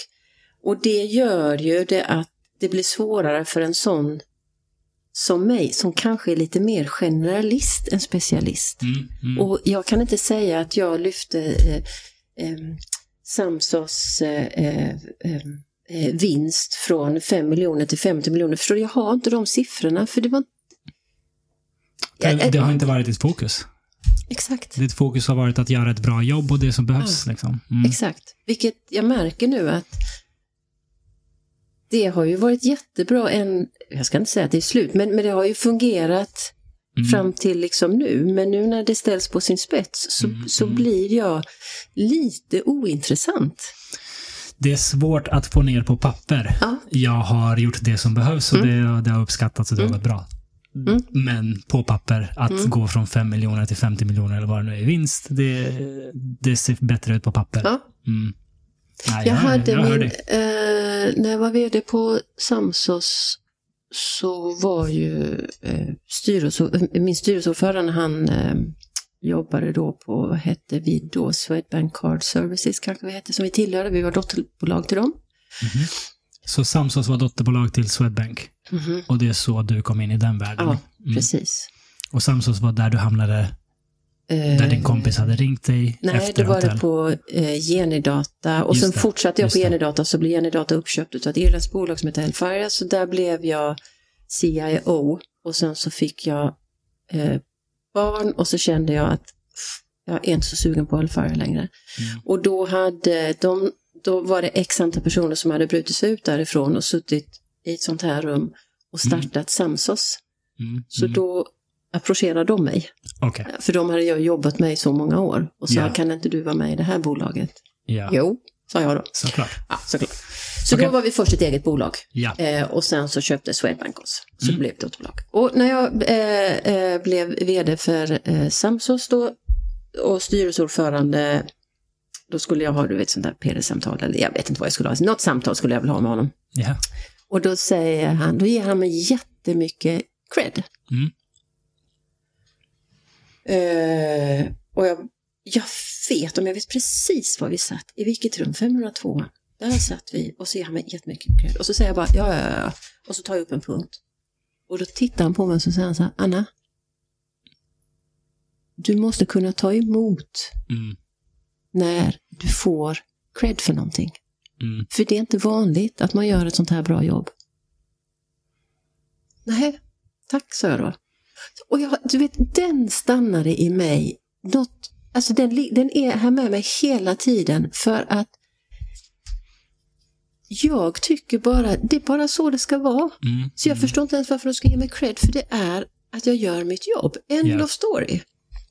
Men det gav mig en tankeställare att jag har, eh, nog, jag har, jag ska säga så här att eh, jag är nog, jag har, eller kanske till och med fortfarande är lite elak mot mig själv. Mm. Jag tar inte emot ehm, positiva kommentarer eller cred för att det ingår i min roll. Ja. Jag är däremot en jävel och ge åt andra hållet. Ja. Jag tömmer ut till andra. Mm. Mm. Ehm, Intressant. Ja, den är, den är jätteintressant. Nu eh, nu har jag också tänkt på att jag tittar dig i ögonen. Mm. Ehm, det är ju någonting som har varit mitt dilemma jättemycket. För, Du har haft svårt att titta Ja. folk i ögonen? Mm. Mm. för att då, då ser de in i mig. Det har jag också fått kommentarer på. Det är många som, eller många, framförallt en person som jag har jobbat med. Han sa också, vem fan pratar du med? Ja. Mm. När började du bli bekväm med att titta folk i ögonen? För det första så måste jag liksom tänka på det och tycka att det känns skönt, känns tryggt. Det kommer inte per automatik. Mm. Eh, mot vissa har jag jättesvårt att göra det för att jag tycker att jag utsöndrar att du är så dum i huvudet så att jag kan knappt titta på dig. Ja men förstår du, det, det Ja. går bara inte så då hittar jag något annat. Du är rädd att de ska se att du tänker det? Ja, Mm. Men tidigare har det varit att jag har tyckt att det varit jätteobehagligt. För då har, Ja. då har ni kommit för nära. Vad, vad är liksom problemet med att komma för nära? Är det att du har sån här imposter syndrom, att du tänker jag hör inte hemma här och de kommer komma på mig? Eller är det något mer personligt? Liksom, vad, vad är oron kring att folk kommer nära? Nej, nej, det känns inte som det är det. Utan det är nog att... eh, jag vet inte hur jag ska uttrycka mig. Det känns som att då blir vi för nära så kan inte jag dra mig undan utan en förklaring. Alltså hela det här beteendet som jag har haft. Att jag efter x antal år så lämnar jag så kan jag börja på nytt igen liksom. Ja. Ehm, ja, eh, Du vill ja, rest- ja det, det är ju likadant på jobbet. Du är ju nästan, vem är det mer som jag brukar prata med? Det, finns, det var dig och en person till som jag från dag ett känner liksom en sån här eh, Tanzania-trygghet. Mm, mm. För vi har ju pratat, vi har ju haft ganska öppna och djupa samtal på Mm. lunchen och så har tiden bara försvunnit iväg. Jag skiter väl i vilka som, jag, jag fattar inte ens vilka som sitter runt mig för vi Ja. har ju pratat. Och med den här andra killen har jag känt likadant. Annars har, är detta en eh, effort för mig. Mm. Jag känner mig hedrad. Det, Ja, det, att, att det är så få, det hade jag aldrig gissat. ja. Mm, därför går inte, jag slutar äta lunch.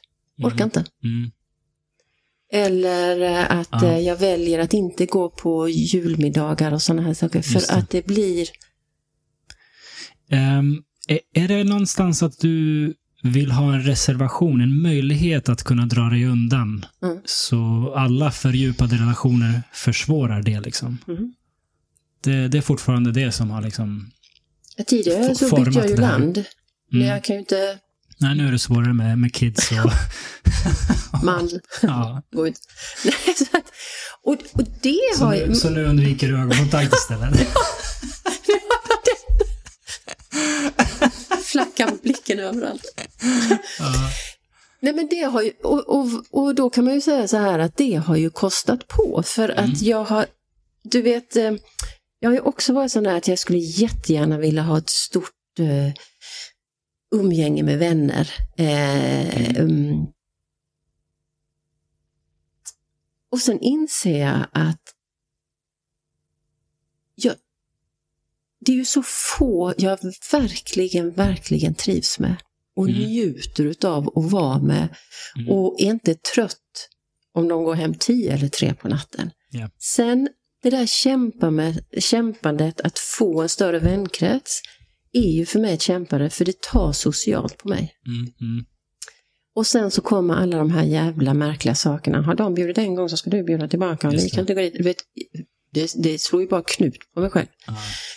Så det är väl kanske de sista, ja, det här låter ju hemskt, fyra, fem åren som jag njuter utav det livet jag har och de vännerna jag har. Och så kan jag titta på de andra och tänka så här, gud vad kul ni har. Och vad skönt att inte jag är med. Mm. Men det har, det har ätit på mig. Det har varit eh, Ja. jätte...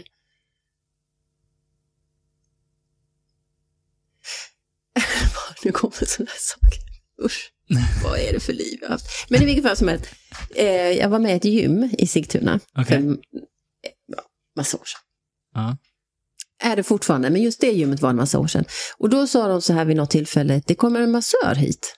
Mm. Ja, tänkte jag. Då säger jag inte det.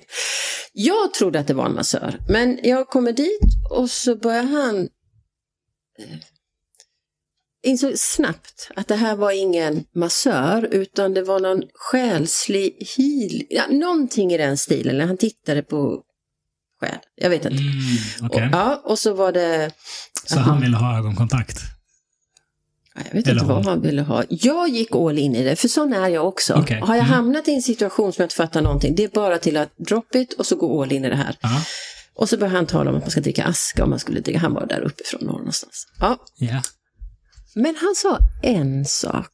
För jag, till honom, det, det var också en sån här känsla som sa att, jag menar, men han drar ju snart, det är ju bara att öppna upp. Mm. Känner du? Ja, så kunde man öppna upp där. Det var ju ingen big deal tyckte jag. Mm. Ehm, och då berättade jag, då tror, jag menar att jag tog upp att, ehm, att jag känner mig liksom ensam, även i en vänkrets så känner jag mig ibland ensam. Ja. Eh, och jag förstår inte jag, jag, jag, ibland förstår jag, jag förstår inte samtalet, jag, jag förstår inte problematik. Förstår, jag, jag förstår, nej jag förstår inte saker och ting ibland. Mm. Då sa han så här till mig, nej det är för att, um, jag kanske inte sa planet, men det är för att du är en, om det är ringar så här, så är du på denna ringen. Och du har inte hittat dina människor som är i samma ring. Som, någonting i den stilen. Du kan ju Mm. tänka dig. Det har stannat hos mig för att det är lite så att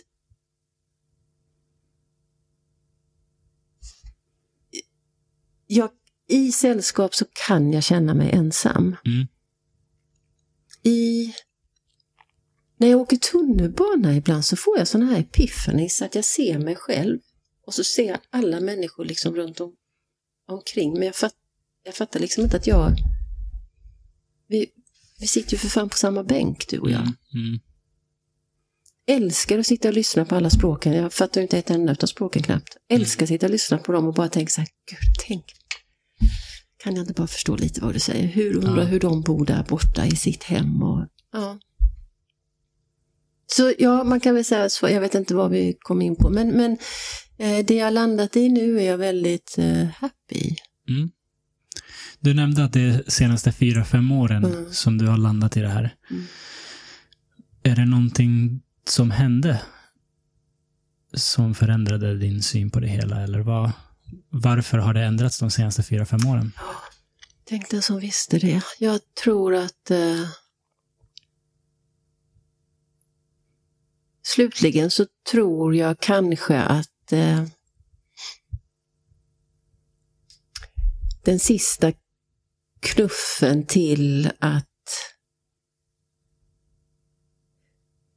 att jag verkligen vågar vara sann mot mig själv. Så ska jag säga. Att Mm. jag har ju vetat det här kämpandet att, att hålla på och bjuda in folk och sen, eller ja, bjuda in vänner och bekantar. Det har ju alltid legat i mitt bakhuvud att tycker jag verkligen om de här? Mm, Mm. kanske inte. Nej, men man måste göra det. Mm. Och sen så är det väl lite som om den här, det låter ju sorgligt, men att luften gick, fick pysa ut. Mm. Och när den tog slut så blev det otroligt skönt. Mm. Jag ska säga att jag har en man som är helt fantastisk, för han, han, han, han är väldigt med mig, Mm. men har inga av de här tendenserna. Så Okej. han är ju otroligt, eh, han tycker det är jättebra att jag åker på allt nu jag åker på och är väldigt positiv till det. Men han är inte, han, han, han skulle ju aldrig få för sig att tänka, vi bjuder hit dem för att vi ska vara med i en större vänkrets. Han förstår inte ens det språket liksom. Mm. Mm. Så han har ju varit min trygga punkt. Och ändå Ja. har det tagit väldigt, väldigt lång tid. Men han är, han är ju en otroligt genuin människa som har varit Mm. jättefrustrerande. Mm. Det har varit frustrerande för dig Ja. att han har varit så genuin? Mm. Okej, Mm. hur då? Därför jag har ju inte fått draghjälp i alla mina nycker. Mm. Han, han, han är ju otroligt... Eh... Vi, vi möttes ju väldigt sent i livet. Vad var vi? 35-37 år eller något i den stilen. Han är Mm. två år äldre än mig. Och då hade ju vi två liv som helt plötsligt man skulle kunna tänka sig, hur fan får du ihop dem? Ja. Och ingen hade barn på något håll. Eh, så vi eh, försökte med barn och sen eh, blev det slutligen IVF. Men det blev två fina barn. Ehm, och han har haft segling, jag har haft ridning. Mm. Och både han och jag sa liksom att låt oss fortsätta med det. Ja. Eh, och sen har vi haft familj och resor och golf och massa andra saker ihop. Men det har alltid fått vara, så, så, Mm. så att han skulle aldrig säga så här, nej du får inte hålla på hästarna och jag säger, du kan ju inte segla varje helg hela sommaren. Det har all, utan varsågod.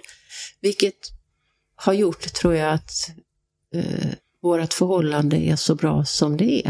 Mm. Sen att jag är en sökare och han är jättenöjd med sitt liv. Mm. Det kan ju ibland bli. Han, han- det är inte det, det, det är jag som triggar på honom. Mm. Inte han. Fan. Ja. Tycker inte du det här är konstigt? du inte på ett Ja, äventyr nu? ska du inte med? Ja. Han har kallat mig sin lilla härdsmälta och det var, det var värre i början. ja, det är ett, det är ett gulligt smeknamn. Eller hur? Jag är- jag är jätteglad för Christian. Jag är Ja. jätteglad. Det Förstår det. mm. Han är fantastisk, för jag vet inte riktigt hur det hade gått om det hade varit två likasinnade. Mm. hade vi fan bara suttit på retreat. Han och jag bara, oh. Aldrig lämnat retreaten. Ja. Det, gäller, det gäller att ha sina klippor, sina stabila punkter. Ja, verkligen. Det låter ju som att det är två, två liv du har levt. Det, det här ro från hamn till hamn utan någon stabilitet till att sen hitta den här trygga punkten i, i Christian. Då. Mm. Ehm, och man behöver väl inte vara någon superpsykolog för att, för att komma fram till att det kanske är det som saknades. Att man, man åker från hamn till hamn för att man inte har den här inre trygg, tryggheten Nej. eller, eller vad det nu är. Mm. Mm. Det, det blir ju, du hitt... Allting var ju bra där och då. Jag hade, Ja. jag, jag hade definitivt inte ändrat någonting för att eh, jag trivdes ju varje gång. Så Mm. det var inte en flykt utan det var en händelse och så då att jag är jag. Ja. Eh, och så bara man gör det. Så för mig var det ehm, Ja, för mig var det väldigt skönt och väldigt roligt och lärorikt och vad man nu allt ska säga Mm. Eh, kring det hela. Jag kan ju ha en viss sån ångest nu måste jag säga att Över. Nej men alltså man är ju på andra sidan det där jävla 50-strecket liksom. Så kan jag känna. Ja herregud. Vad mycket jag skulle vilja hoppa på liksom. Mm.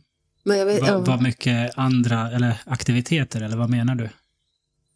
Äventyr? Nej men jag skulle, nog, jag skulle nog helst inte vilja vara så kvar i ekorrhjulet som, Mm, som mm. jag är liksom. Ehm, men eh, ja, Den, den mängden äventyr du har levt och liksom tre år här, tre år där, Dubai och Norge och alla äventyr. Det är ju mer än vad de flesta klämmer in i ett helt liv.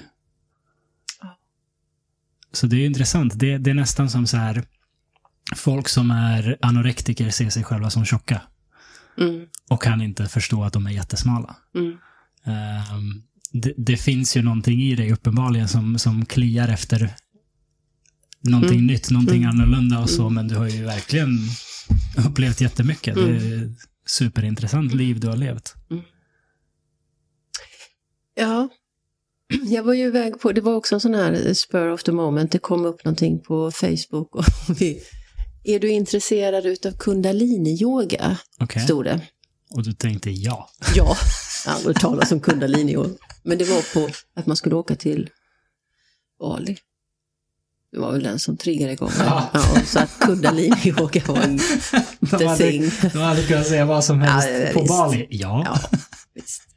Så det var en tjej, hon har något ställe nere i Halland eller någonstans. Så jag ringde upp henne Ja. eh, och så berättade hon lite om denna. Så sa jag, ja fint, då hoppar jag på. Jag, jag visste ju inte, jag hade ingen aning vilka andra som skulle med där. Men, och jag vet inte ens hur många vi var. Vi kanske var 18-20 personer som åkte. Mm. Ja, så bokade jag upp på den och då skulle man vara på, jag tror vi var på tre eller fyra olika öar. Mm. och hade den här kundalini. Och sen var det en kille som var med där som också var ledare och han var väl någon form av psykolog så det kom in lite sånt snack också. Sånt där går ju jag igång på så jag känner det här blir ju superbra. Ja. Så det kommer till Arlanda och så ser jag en tjej som jag bara tänker så här. Hon ska ju med mig. För hon Ja. hade någon jävla matta i sin ryggsäck eller något sånt där. Ja. Ja, ska du med? Ja, så jag träffade eh, henne och sen hade hon, jo, men jag tror vi fick skriva ut någonstans vilken biljett har du bokat, det var så. Mm. Eh, så, så hon och jag hade bokat samma biljett via Oman och där. Eh, så vi åkte ner dit. Och så, och så blev man tilldelad var man skulle bo någonstans. Eh, vi var ett gäng tjejer. Så vi, jag tror vi var borta tre veckor. Bland annat hamnade vi på Bali på en ehm, ja, det, någon form av eh, retreat där man gör shaking yoga. Det Okej. är som, du kommer bara in där, alltså det, det finns boende så det var folk från världen över. Säg att det var totalt kanske 40-50 människor där. Mhm. Och så var det ju han då som hade startat den här skak-yogan. Han bodde i ett mausoleum Eh, Där man såg honom knappt och där, där, där, du vet, var sådär way, way, way. Och så dörrarna öppnades och när du väl hade kommit in där, vi skulle vara där sju dagar, så kom Ja. du inte ut. Okej. Så var det. Och jag kände bara så här, vad har jag gett mig in i här? Ja. Och så var det den här skakyogan och då går man in i en stor hall och så börjar det spela någon musik och så ska man bara stå liksom och skaka så här och till slut så hamnar ju folk i trans. Ja. Och det börjar liksom skrikas och gapas och till slut så, så skakar kroppen. och Det det går inte att stoppa kroppen. Mm. Och först tror man ju inte på det utan man stod där så här. Skaka, skaka, skaka, hur jävla roligt. Och det var två timmars pass. Så det var inte det att du gick in 20 Ja. minuter och ut igen utan det var två timmars pass. Tidig morgon, lunch, sen kväll. Däremellan var det jättefin natur med vattenfall och sådana saker man kunde gå Mm. runt i. Och så hade man chores, man hade saker, sopa gångar eller vara med och laga mat eller diska eller något sånt där. Men det var ju också bara att ge sig här för två timmar lång tid om du tänker så här, när fan tar det här slut? Då, Mm. det, alltså det är bara all in på det där. Ja. Mm. Och till slut så stod man ju där och huvudet var ju helt borta och hela kroppen det bara skakade och flaxade och man tänkte så här, det här är ju inte möjligt. Ja. Men i vilket fall som helst, så det höll vi på med i sju dagar där och sen hade vi sådana här uppsamlingar på kvällarna. Ja. Och varför pratar jag om detta? Lite för att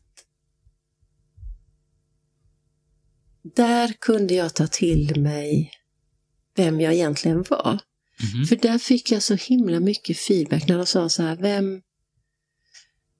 Eh, Jag vet inte vad de sa, men, men eh, det var ofta att de sa, nej men eh, Anna var så gullig för hon, henne kunde jag väcka varje gång jag skulle ner och kissa så hon kunde tända och ta bort mössen innan jag gick in på toaletten. Mm. Ja. Eller de sa, nej men Anna tog hand om mig för hon såg att jag var ledsen. Jag fick otroligt mycket cred under de tre veckorna och då kände jag att där var någonting som har saknats. Mm. Mm. För dels har jag inte tagit åt mig när jag fått cred. Och när då äntligen, när man är liksom em, emotionellt eh, väldigt eh, vulnerable, alltså man Ja. är när man har stått och skakat åtta timmar på en dag, du, du, har, inte, du har inte så mycket skal kvar liksom. Mm. Mm. Då kunde jag börja ta åt mig vad de sa och inser att det ligger någonting i det. Alltså Mm. jag är eh, otroligt hård mot mig själv. Mm. Men jag har en förmåga att eh, ge och eh, hjälpa, ja, hjälpa andra på massa olika sätt. Mm. Om det är samtal eller om det är befordringar eller vad. Det, det, Mm. Det där är så intressant, för det är ju uppenbarligen många i din omgivning som har märkt det. Mm. Du har ju blivit tillkallad till det ena och det andra och blivit vd här och var och allt vad det är. Må- Många andra har uppenbarligen sett värdet. Mm. Men du behövde alltså skaka i åtta timmar och b- bryta ner ditt försvar för att själv kunna se att Och så "Nej, men här kommer den där lilla- här." ursäkta, feta mannen ut en gång och då alla bara så här, wow, he's here, he's here. Och jag bara, den lilla. Ja. ja. Ja, det var en rolig resa det också. Buddha var ju också fet. Kanske finns något Ja, det var det. fanns också Reinkarnation. Fantastiskt god mat lagade de också, så att vi mådde bra. Alltså det där, är- jag, jag, tror... Vi, jag, jag tänker fråga dig lite om Vipassana och, och, och den biten också, men det här med att eh, hamna i trans. Mhm. Göra vad det nu än är för aktivitet för att bryta ner de stories man berättar för sig själv. Mm. Det finns sån otrolig kraft i det.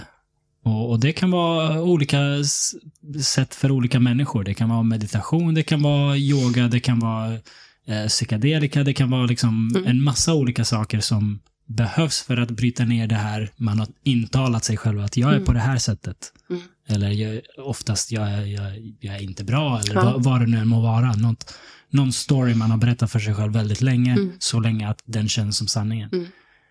Och så rubbas det där Mm. Genom att man försätts i trans eller har någon sorts egoupplösning eller vad det nu än må vara. Men, men, men den där storyn i alla fall rubbas. Mm.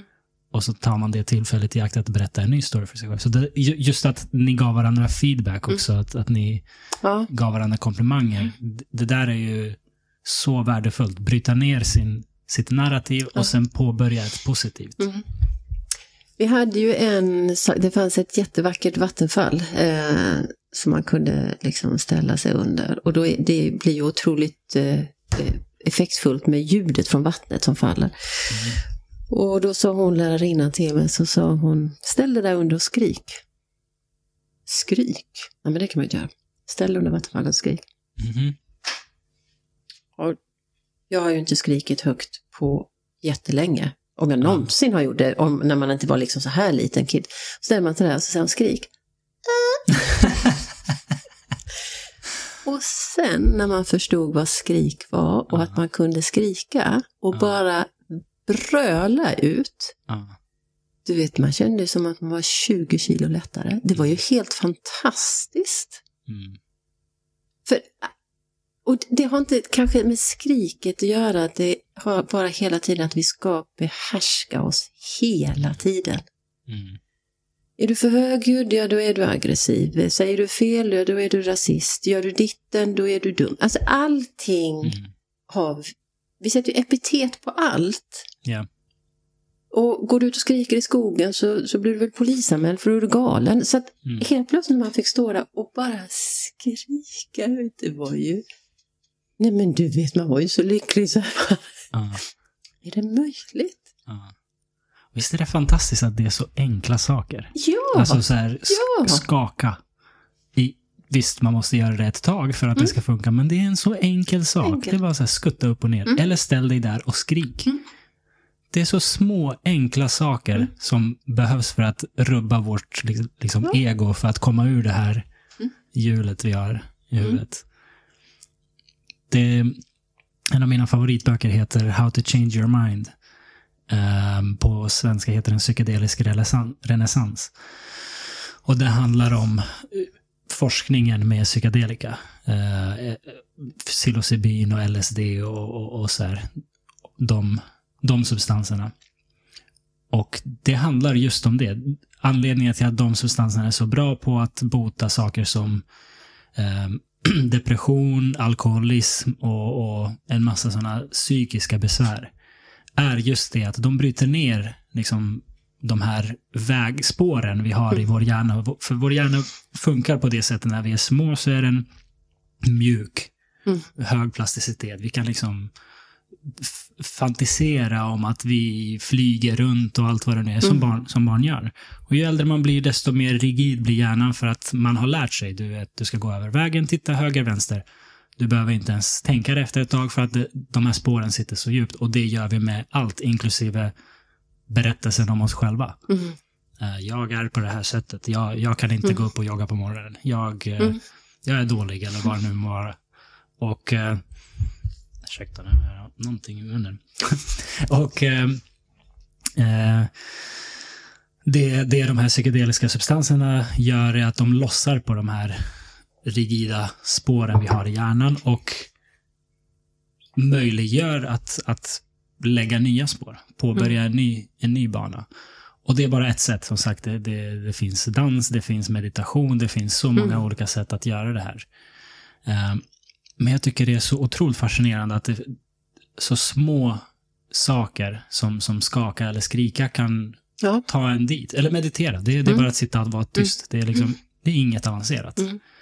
Men det räcker för att man ska kunna um, tysta den här rösten mm. där inne. Det, det, det, finns, just det, därför jag tog upp den här boken, för där förklarar de att det finns något som heter the default mode network i hjärnan. Och det är ett centrum som skapar berättelsen om jaget. Uh, och när vi hamnar i trans eller med, med psykedeliska substanser så, så tystas den delen av hjärnan, men alla andra delar uh, aktiveras. Så man upplever utan att ha egot, jaget. Mm. Uh, och det är där någonstans magin sker, att man tystar det här egot så att mm. man kan bara uppleva. Och det är därför jag tror trans funkar så bra mm. Eh, också. Att det, det, det, det, du är inte viktig. Nej. Skutta runt, mm. skaka. Mm. mm. Du är inte viktig. Skit i liksom vad folk tycker och säger, tänker om dig. Bara gör. Och gör man det tillräckligt länge, tillräckligt liksom avslappnat så försvinner egot. Man bara är. Man bara är en varelse. Ja. Och då finns det möjlighet att göra saker Eh, om, om, man, om man har rätt guidning och, och, och rätt inställning. Liksom. Ja, precis. Mm. Nej men alltså det var, det, du sa Vipassana, det ju, Mm. där vet jag ju om att där, jag har ju valt att kanske inte prata så mycket om det för Mm. att em, kommentarerna jag ofta får blir, det hade jag aldrig klarat av. Och sen så går konversationen över till dig som säger, det hade jag aldrig klarat av. Och så ska, Mm, ja, men du vet. Och, och då, Det då, hade jag aldrig klarat av, för jag är, så, jag är på det här sättet. Ja, är precis. Och då, då, då backar jag och säger så här, nej, men ja, nej, Mm. det är inte för alla. Så, jag vill klara med det. Ja. Men varje gång jag säger ja till något Mm. så s- så har jag bestämt mig att gå all in för det jag säger ja till. Så jag Mm. har ingen värdering, jag förstår det, värdering kanske jag har, men jag har ingen eh, jag har ingenting som säger så här, det här verkar ju dumt, det här kommer inte jag göra. Eller nej, Mm. hur, ska jag kunna, hur ska jag kunna sitta tyst en hel frukost utan att prata med någon? Utan jag förhåller mig till det regelverket som gäller för den aktiviteten jag ger mig in i. Ja. Och det gör ju också att jag får ut någonting, för lite egoistiskt är det ju. Om jag nu ska vara borta tio dagar eller stå och skaka sju dagar. Mm. Om jag inte går all in för det så har jag ju wasted fucking sju dagar i mitt liv och bara stå och titta på i åtta Mm. timmar. Nej, men, Exakt. för det kan ju hända något bra. Mm. Eh, och jag tror igen, alla de här sakerna, oavsett lite eller stort jag har fått med mig, det vet jag inte. Men det har ju gjort att nu har jag lite som blocks Mm. att jobba med. Och jag vet också kanske, utan att förstå att jag tar till dem, utan att förstå att jag gör det. Liksom. Ja. Ja, det är ju det är oftast, det, man kan ju inte rationalisera sig till sådana saker. Nej. Det är ju genom att göra som de ger effekt. Man Mm. kan inte tänka, så här skulle det vara att meditera i tio dagar. Och så Nej. får man effekten. Det går inte. Nej, det går inte. Ak- aktiv handling är ett måste. Ja. Berätta lite om det. Du, du var på Vipassana meditationsretreat. Mm. Och då är det tio dagar. Ja, Och hur funkar det? Men där är ju också så, vi har ju ett landställe inte så långt därifrån, så jag har åkt förbi det där Vipassana-centret under flera, flera år. Och så har vi bara åkt och handlat och så har jag sett det där Vipassana-centret. Och... Eh, Och tänkt, vilka knäppisar. Nej, det har Här jag inte sitter de och tänkt. är tysta i tio dagar. Nej, för jag visste inte vad Vipassana var, så jag kunde inte tänka så. Jag tänkte bara så här, hmm, Ja. okej. Och sen eh, blev det väl bara att, jag, jag vet inte om det var någonting som hände eller om... Jag, jag, jag kommer inte ihåg att det var någonting som hände som gjorde att jag tog tag i det. Jag började bara gå in och titta på eh, Dharma-centret i Ödeshög. Och då insåg jag ju att den där anmälningslistan, det var ju för fan fullt hela tiden Mm. det triggade mig lite granna. Och sen så kan man en, de släpper bara x antal block och du kan bara anmäla dig, bör, du kan bara anmäla dig på ett visst datum kan du börja anmäla och så vidare. Så, så att man får ligga liksom och titta lite där vad som händer och sker. Mm. Så det var så det triggade mig och då såg jag att nej men gud, jag anmälde mig till vad det nu än var för datum, det var väl eh, april, maj första gången. Ja. Och så fick jag reda på att jag var reserv. Och sen så fick jag reda på att jag kom in. Mm. Då fick jag, sen läste inte jag så mycket mer. Mm. Eh, då fick jag veta vad, vad det var för regler som gällde. Ja. Eh, det stod inte så mycket om Vipassana, vad det var för någonting. Okej. Eh, det stod inte, jag fick väl tidsschemat, ja, så man insåg ju att det var väldigt mycket meditation. Det var en del. Eh, Och, och du hade inte erfarenhet av meditation sedan innan? Nej. Mm. inte. Eh, nej, så då åkte jag ner Mm. och så checkar man in en onsdag. Och då får man också ett... Du får signa på att här stannar du och det är det här som gäller. Mm. 50 killar som bor där och 50 tjejer som bor där i den stora hallen. Så sitter killarna där, tjejerna där. Eh, ingen connection, ingenting. Och sen så är det tyst från och med onsdag kväll efter första meditation, mm. åtta. Och då, men då får man också reda på eh, Första gången man är där så får man dela rum för det, eh, de har inte tillräckligt med singelrum. Får man reda på vilken säng man fick och så fick man säga tjena tjena till dem man skulle dela med. Sover du med öppet fönster eller stängt fönster? Det är väldigt sådana här saker. Ja. Och sen så fick man reda på vilken stol man satt i och i sin matsal. Och så vilken kudde man skulle ha. Mm. Eh, och det var det. Sen så lämnar man in datorer, klockor, böcker, mm. allt. Och sen var det någon som plingade varje gång du skulle vakna, meditera eller äta. Och, oj, och allt var tystnad hela tystnad. vägen? Mm. Mm. Och så var det... Mm, man drog ju ner på maten väldigt mycket och det förstår jag för det går inte att äta och meditera. Och så är det bara uh, veganskt kan det men vegetariskt uh, absolut och så bort med allt koffein och mm. Mm. Uh, juicer. Jag menar nej mitt, det var fanns väl inte en jävla sockergnutta. Alltså, jag, mm. nej. Så att um, och sen får du liksom ingen, du är så, vi är så himla vana vid, jag tänkte så här, första meditationen på torsdag morgon klockan fyra så får vi reda på vad det här är. Nej. Mm. Utan man eh, sätter sig på mattan och så får man en instruktion från eh, eh, han, mannen är död men han har ju spelat in filmer som funkar lika bra nu som för 30 år sedan. Det är mm. samma mönster hela tiden. Mm. Uh, där han säger liksom att uh, uh, ni får, de första tre dagarna så får man väl röra på sig mm. lite grann. Sen börjar ju efter dag tre så börjar det att de första två timmarna så ska du försöka sitta helt still. Mm nästa session så får du röra på det lite. Så att det är en gradvis invändning på det där. Eh, slutna ögon. Um, och sen så hur man börjar liksom den här meditationen. Hur man börjar lite med att eh, känna luften. Att bara fundera på luften går upp genom eh, näsväggen här och så vidare. Och så, vidare. så att man får eh, dag för dag kom det lite mer så att eh, dag nummer liksom sju till tio var helt an, eh, var jobbigare än dag ett så att säga. Ja, ja. Man, uh, man får en liten mjukstart. Ja, man får en liten mjukstart. Och sen så var det också varje kväll, är det också varje kväll från, jag tror det är från nio till tio, så har han ett, eh, en, en video som körs där han förklarar i på pricken vad vi har gått igenom dag ett. Mm. Och sen vad förväntas dag två. Och så vad Vipassana är och ja, massa sådana saker. Så jag kan säga att första, de första tio, den första omgången med tio dagar eh, den eh,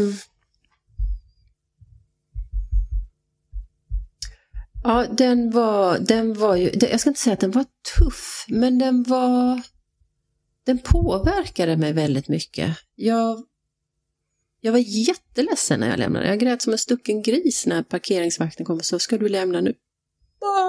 Mm. För man är ju, man är en bubbla. Det finns mm. ingenting som händer utanför där och, och, och man kan höra vem, man får inte komma för sent till de här, men det är ju vissa som kanske ibland är två eller tre minuter för sent. Och då väntar hundra man. Det är ingen som mm. startar då, utan då väntar hundra man till den här personen kommer in. Man hör på fötterna. Vem fan det är? Jaha. Det var hon som sitter, hon sitter i 34. Du vet, man får sådana... Spindelsinne. Och hjärnan är så jävla sharp. Du är inte mm. trött för en sekund och ändå går du upp fyra och, och du går och lägger dig tio. Den är så sharp, inte att du är mm. rastlös. Gud vad intressant. Du har ingen du har ingen den här dimman eller att du får ont i ögonen eller utan det är bara så med dig. Mm. Men det var första och sen så åkte jag ju tillbaka igen det var väl bara ett halvår senare. Mm. Och tog tio dagar till. Och den var tuff. Ännu för, tuffare. Ja, den var jättetuff. För att då eh, behövde inte jag fundera på, gör jag rätt eller fel? Mm. Då hade jag ju fått liksom en, min, min första gången prövoperioden, liksom, vad är det här? Ja. Eh, och då kunde du komma djupare i hela meditationstekniken och du förstod också mycket mer när han pratade på kvällen. Ehm, eh, du förstod också att det bygger väldigt mycket på två sidor hos dig. Det är, det är ju att ta bort ditt ego. Mm. Det är att ta bort din liksom eh, craving. Eh, att få beröm eller craving att bli hörd eller craving att bli sedd. Ja. Eh, och den andra eh, liksom sidan är det där att eh, ilskan mot andra. För jag kan mycket mer än dig. Du ska inte ha detta. Att balansera de två och där är ju egot enormt vasst alltså. Mm. Mm. Ehm, att så fort den kommer så kan man gå in i lite vipassana i några minuter och sen så tar man bort det där. Så man, igen kan man se personer lite inifrån och ut. Mm. Det, det kan bli som ett skådespel och så bara man lyssna på dem och det lilla minsta den där cravingen eller den där andra delen sätter igång så kan man bara, Ja. för det gynnar ingen. Ja. Så den, då kan man väl säga så här att alla andra som jag har varit på, jag har varit uppe i Bara Vara i omgångar också. Mm. Ehm, det här ger mig en teknik som funkar för mig. Mm. Det är därför jag kunde sitta på min arbetsplats och bara titta på detta och tänka, mm, Mm. Så om jag förstår rätt, det, det de här resorterna gav dig var ett, ett lugn, en förmåga att distansera dig från drama och elände Ja. som händer runt omkring en. Att liksom se det för vad det är och inte bli påverkad. Men det är ju inte en, det, du åker ju inte ut där och sen så är du fulla. Detta är ju Nej. någonting som att eh, jag eh, försöker ju meditera eh, tidiga morgnar. Mm, mm, Eh, kan, jag sitter absolut inte i två timmars pass, men jag har mina halvtimmar, 45 minuter. mm, Jag vet att jag kan ta det till mig. mm. Eh, på jobbet gick jag in i, eh, du vet man har sådana vilorum, så kunde jag gå in där. Ja. Så att där är 20 minuter. Ja. Så det är färskvara. Mm, mm. Eh, du Man måste, måste hålla, liksom... hålla igång. Ja, Hur, hur långa, hur, hur länge satt man, hur många timmar satt man på den här resorten och mediterade per dag? jag tror vi satt i en eh, 14-15 timmar. 14-15 timmar per dag. Mhm. Det är en del. Du kommer inte undan. Du Nej. kommer icke undan dig själv. Nej, då hinner man Nej. rannsaka en hel del. Mm. Nysta upp lite, Mm. lite garnnystan. Och så tänker man så här att, ja, och så fanns det en liten sån här vandrings... Säg att den var 500 Mm. meter. Runt. Där gick vi alla. Så fort man inte mediterade, eh, då gick man ju där för man skulle få luft på något vis. I tystnad. Ja, i tystnad. Ja. Och det är inte ens att du, du ska hålla på med blick. Du ska inte ens öppna en dörr. Du ska, du ska liksom inte göra någonting. Så du har ingen kommunikation. Det är Mhm. väldigt ovanligt. Du öppnar en dörr och så tänker man att vilka är bakom mig? Och så kan man ju hålla upp dörren så någon går in. Nej, nej, nej. Du Mm. har ingen blick. Okej.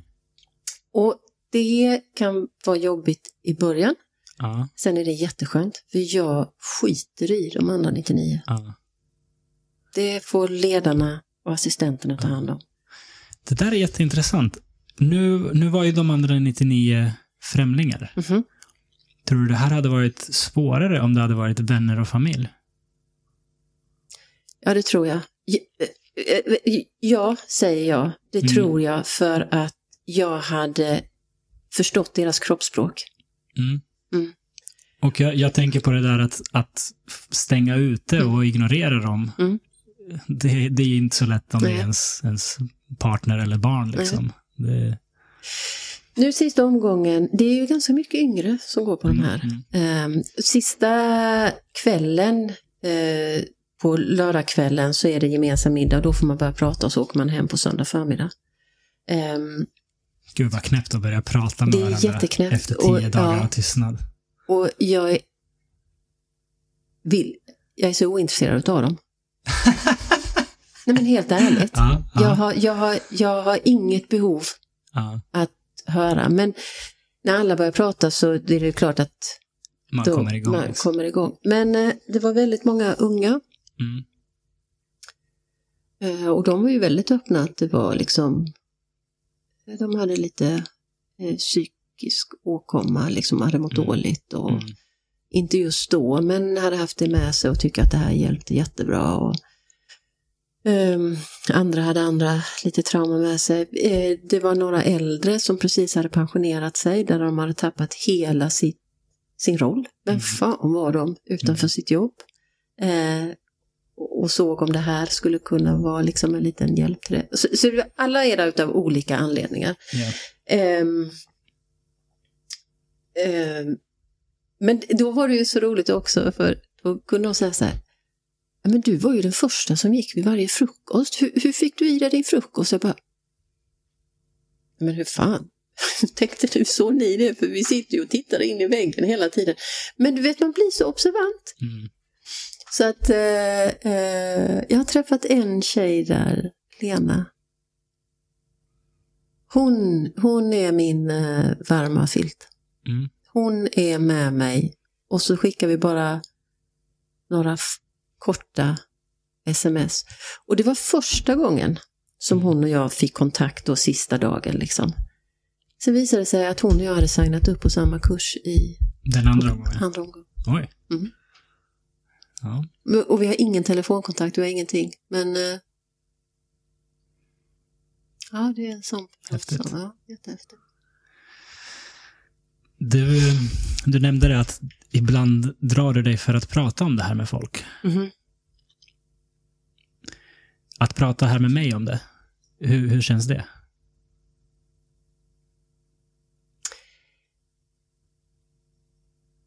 N- nej, jag tycker inte att det känns konstigt.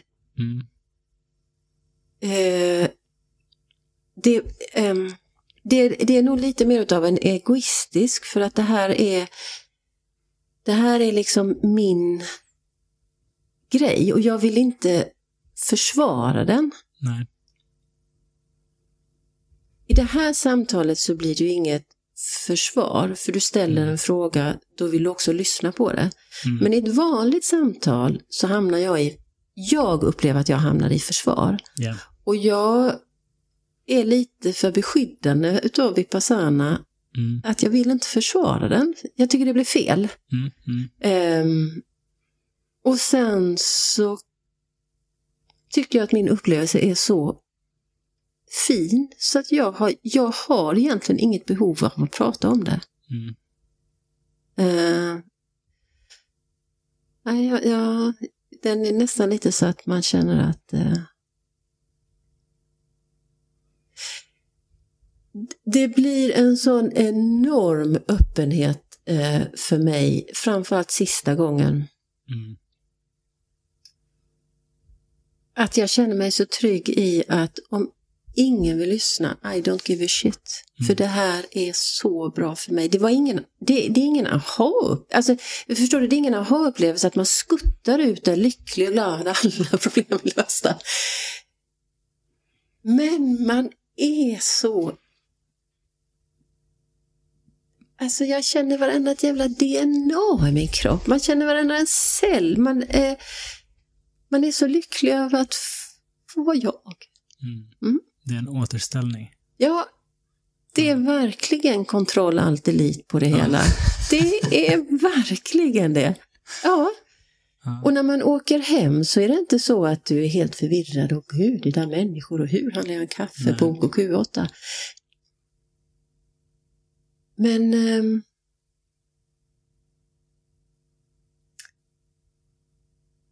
Ja, men jag är bara väldigt glad att jag är jag, att jag Mm. Mår så bra utav det. Och, och jag kan ju verkligen jämföra. Jag kan verkligen jämföra med eh, när jag var på Bara Vara. Det var ju också liksom tio dagar. Där var jag i olika sessioner också och det var tystnad och sånt. Vad, vad är bara vara? Bara Vara är ett center uppe i Dalarna. Eh, det har ingenting med eh, någon meditationsteknik att göra utan det är ett center Ja, vad tar de fram? Det är någon form av healing center. Så där, där är du i tystnad också sådana saker. Men sen så inne i aulan, i aulan, aulan så kan det vara att eh, där, där var till exempel, jag vet inte vad det en eller två timmar per dag, där alla fick bara berätta om sig själva. Det var inget dömande, det var ingen som ställde frågor. Du satt som lärare längst fram och jag kunde bara öppna upp. Mm. Jag fick ingen nick, jag fick ingen nod, jag fick ingen sån där stackars jag fick ingenting. Utan det var en människa, men du såg ut som en vägg. Och så fick mm. alla bara prata och sen hade man olika, någon form av meditation. Men det var andra sådana här mm. saker som man fick eh, okay. hila eller lösa med olika tekniker. Um,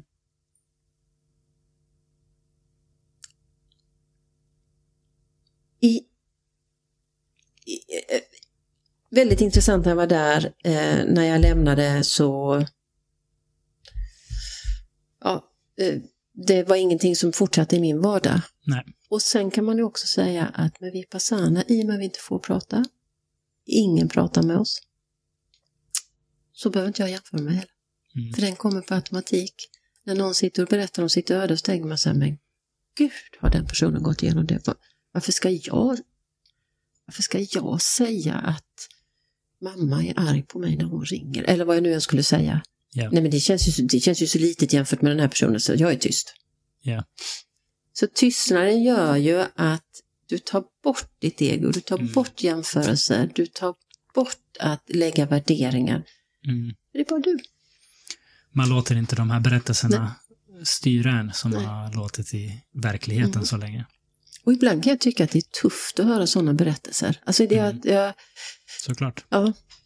Och är man själv inne på att det här ska göra någonting för mig så, så mm. kanske jag tror tystnaden ja, är fantastisk. Är man en empatisk människa så mm. ska man ta in 99 främlingars ja. historia, liksom, herregud. Ja, det är man bara, Då får man inte mycket av sitt eget Nej. Eh, uppnystat. Det är jätteintressant, för jag, jag tycker det är, det är så fint det, det, är ändå relativt nyligen du har hittat det här. Mm. Och det, vi, samhället är uppbyggt på det sättet det är uppbyggt. Ekorrhjulet, liksom mm. kapitalism och kvartalsrapporter och, och, och tjäna pengar och betala räkningar och så vidare. Um, och det finns ju fördelar med det. Vi får mm. så otroligt mycket gjort och, och högre lev, levnadsstandard och, och, allt vad det nu är. Mm. Men det blir så lätt att man hamnar i det där att tjänar det inte pengar så är det inte värdefullt. Mm. Och det är därför på något sätt som jag tror folk reagerar på det sätt de gör också när man pratar om sådana här saker. Mm. Man, man, förstår nästan inte saker som görs så att säga i onödan. vad, vad, vad är poängen med att sitta tyst i tio dagar? Mm. Det är inte...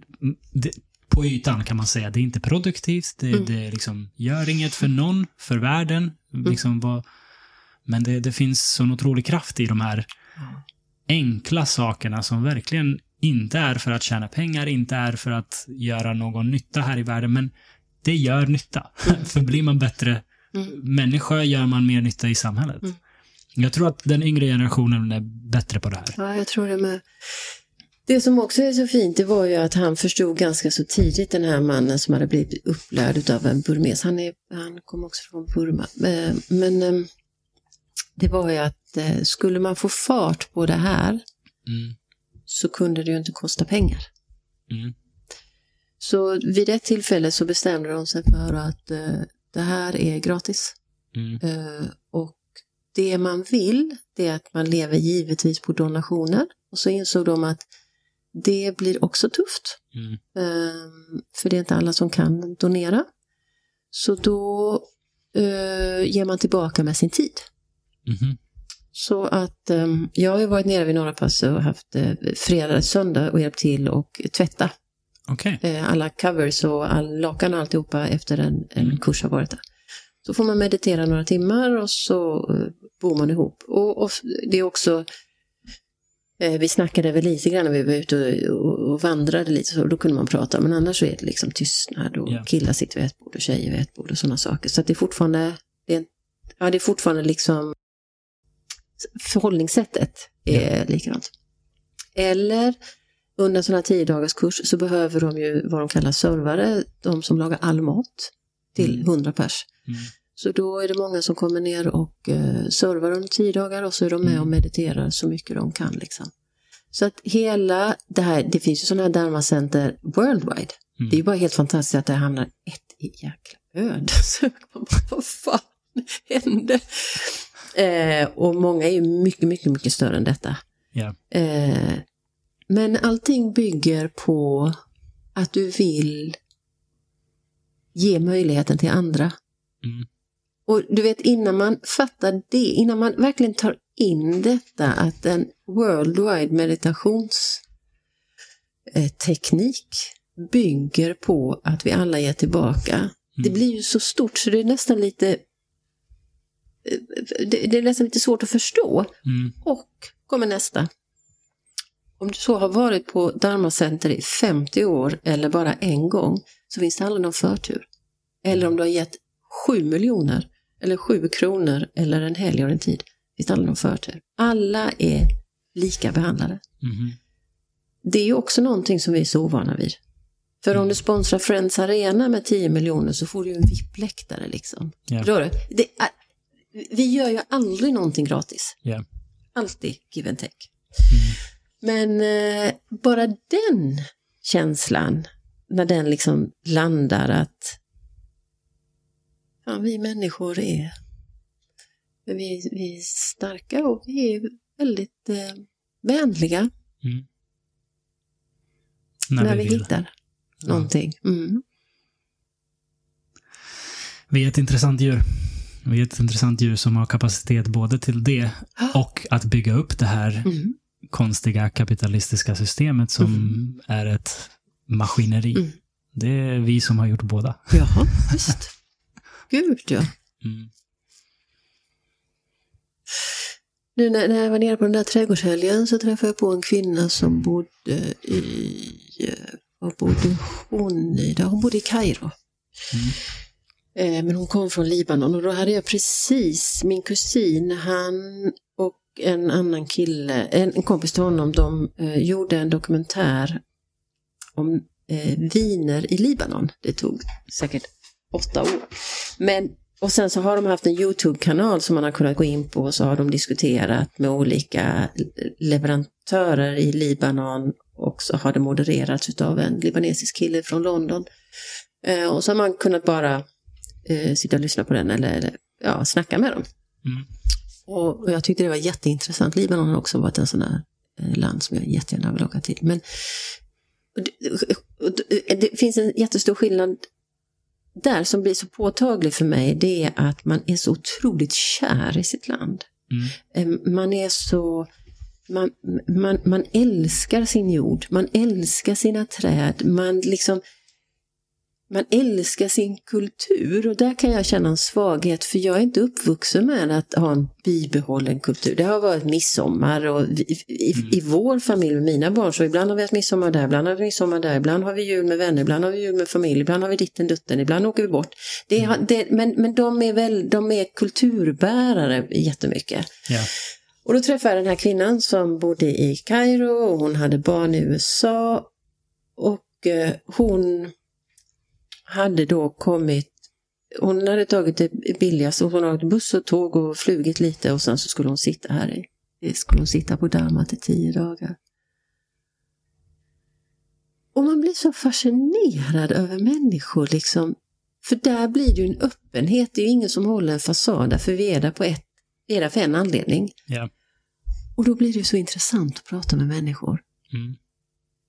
Och hon tittade på mig och så sa hon att du ser så ledsen ut. Mhm. Mm. Så jag behöver nog det här. Ja, så. Kommer bli bra. Kommer bli bra. För där kan man liksom visa, där känner jag där kan man visa en svaghet. Mm. Och jag vet inte varför jag var ledsen, det var väl livet. Men du vet, det kan ju ha varit vad som helst. Mm. Men man behöver inte uppehålla en fasad där nere. Ja. Och där är det ingen som går på det, utan de bara ser det och så backar de av. Mm. Fantastiskt. Håller det sen när man kommer tillbaka?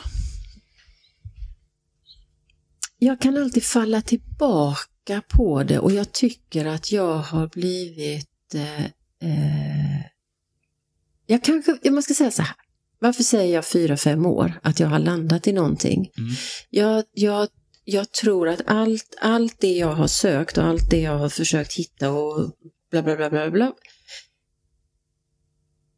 eh, har gjort att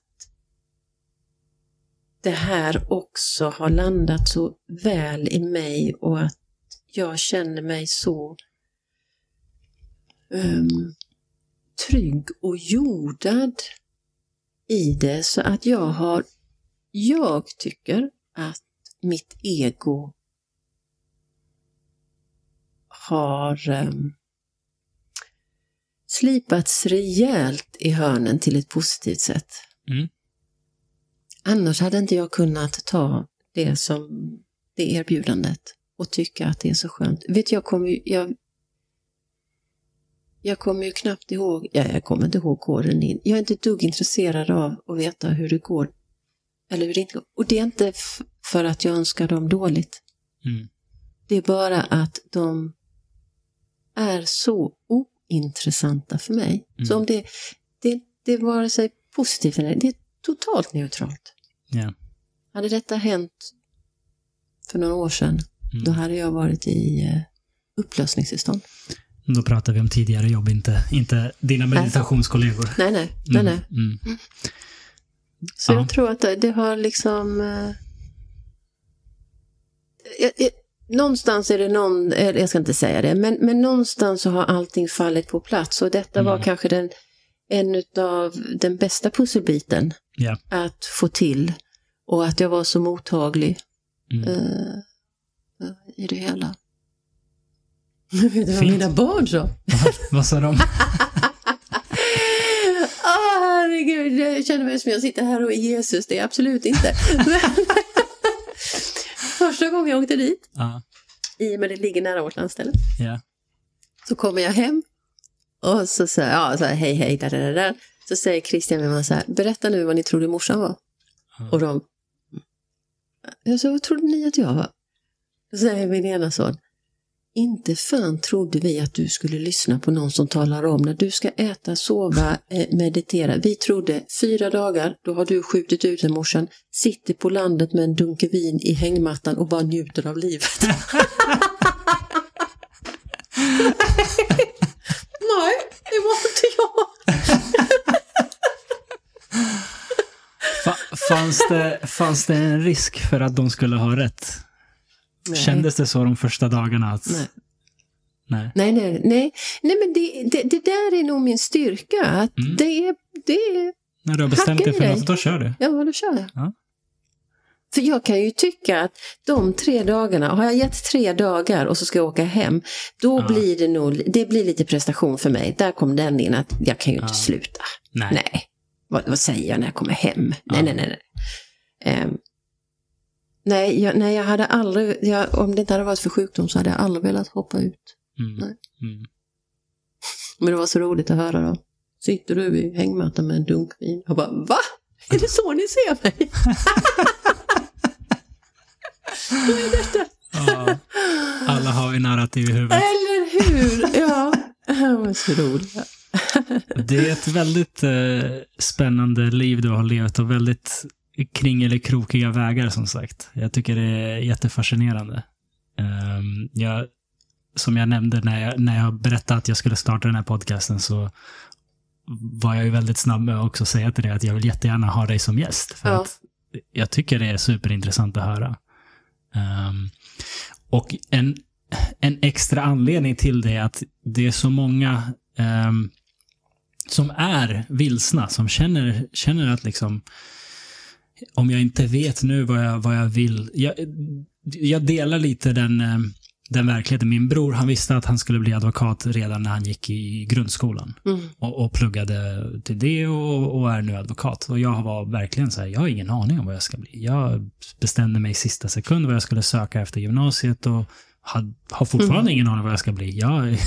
jag har liksom halkat in på att vara copywriter och nu tycker jag att podcast är jättekul. Jag vet inte, det är kanske är det jag vill hålla på med. Mm. Det, det, det är liksom väldigt kringelikrokigt för mig också. Och jag, jag finner ju ändå en ro i det. För Mm. att jag, jag har sett, jag, det har inte alltid varit så, men jag har sett att jag klarar av det. Och, och då är det fine. Så länge jag gör något, så länge jag är aktiv och inte bara degar på soffan, Nej. så vet jag att det kommer bli bra. Ehm, men om du skulle ge råd till någon som är i, i tonåren, 20-årsåldern och var där du var. Ehm, eller om du skulle ge råd till dig, dig själv som 20-åring, så, som ja, på någonstans var på flykt eh, från ett ställe till ett annat. V- vad skulle du ge dig själv för råd? Eller vad skulle du ge personer i den situationen för råd? Nej, men jag har ju två barn i den här åldern. Mm. Benji är 19 och William är 21. Och William är ju den här personen som, som har en plan, ingen aggressiv plan, men han funderar och han tänker och han har en plan. Det är ju otroligt enkelt. Mm. Eh, då är man ju jättenöjd och trygg och det, det, det. Sen har jag lilleman som inte har en plan han i alla fall berättar om. Mm. Och det har stressat mig eh, lite grann. För Mm. Men jag skulle ju... Inget, jag tycker att den här oplanerade planen är en ren befrielse och jag tror mycket, mycket på den. För du är 19 år. Mm. Här sitter jag och är snart 60 och har rätt ut mitt liv för fem år sedan. Förstår du? alltså jag tycker, jag, jag, är, jag är jättestolt över båda två, men jag får en frihetskänsla när jag hör Benjamin och det, det är väl det jag skulle vilja ge att man kan inte förändra världen, samhället är som samhället är, kraven är som kraven är. Men när du är 19 så behöver du inte veta och kunna allt. Mm. Du har så många år på dig att hitta någonting i ditt liv. Plus att där och då det de väljer, nu pratar vi om att de inte väljer ja, några illegala eller olagliga saker sådär, men, men det de väljer är ju rätt lite där och då. Det hade väl jag en fördel av. Det var aldrig någon som sa till mig, du kan ju för fan inte göra det. Det, det, det blir ju ingen ordning på dig. Mm. Där var ju mina föräldrar jättebra. Mm. För de tyckte det bara var positivt vad jag gjorde. Eh, så att den här krokiga vägen till någon form av olika delmål, Mm. den är ju, tror jag, bara väldigt, väldigt nyttig. Mm. Jag vet inte vad jag ger för råd, men eh, Nej, men det är väl Ja, men att, jag- ja. att det är okej. ja, Att vara vilsen. Slappna av och nju, Ja. njut av åkturen. Mm.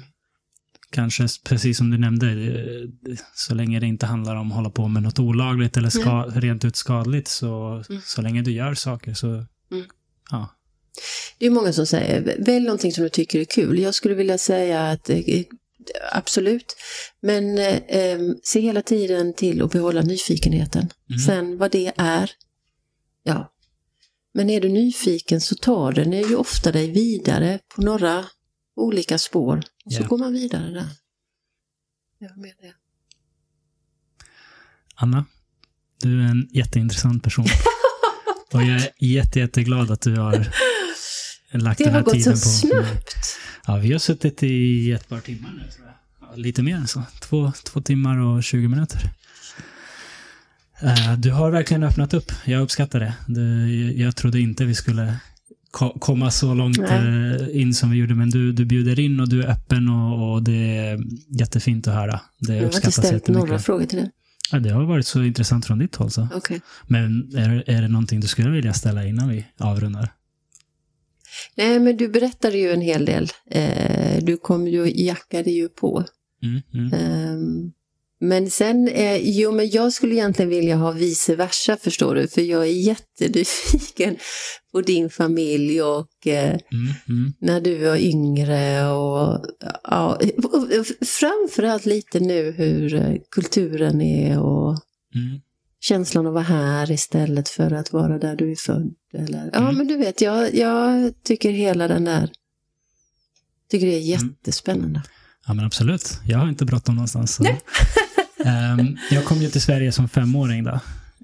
När jag var tre år, jag är född 88, när jag var tre år så började kriget i Bosnien då.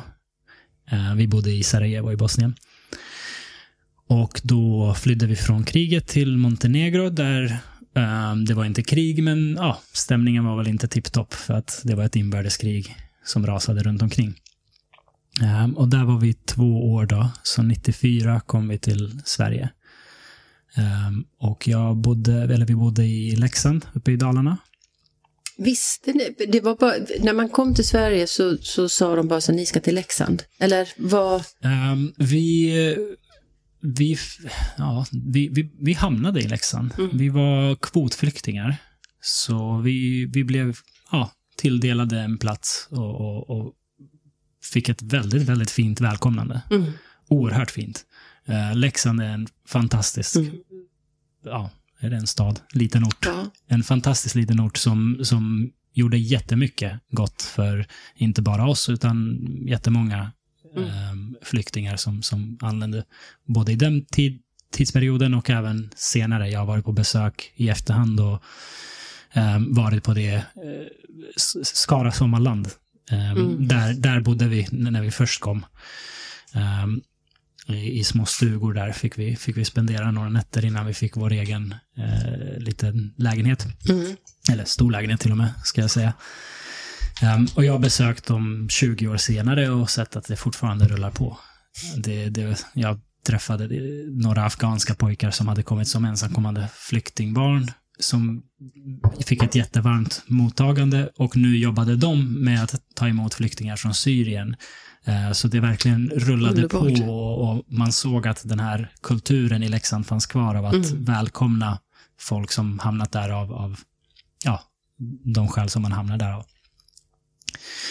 Um, så vi fick ett superfint mottagande. Kommunen i, i Leksands kommun var väldigt mån om att göra det här på ett bra sätt. Och mina föräldrar fick hålla på med uh, kulturella aktiviteter direkt mm. från början. Anordna dans och musikföreställningar och mamma började måla och sådana där saker. Så man hade någonting att hålla på med. Man mm. hade ett syfte innan man var eh, innan man hade lärt sig språket och, och kunde komma in på arbetsmarknaden. Mm.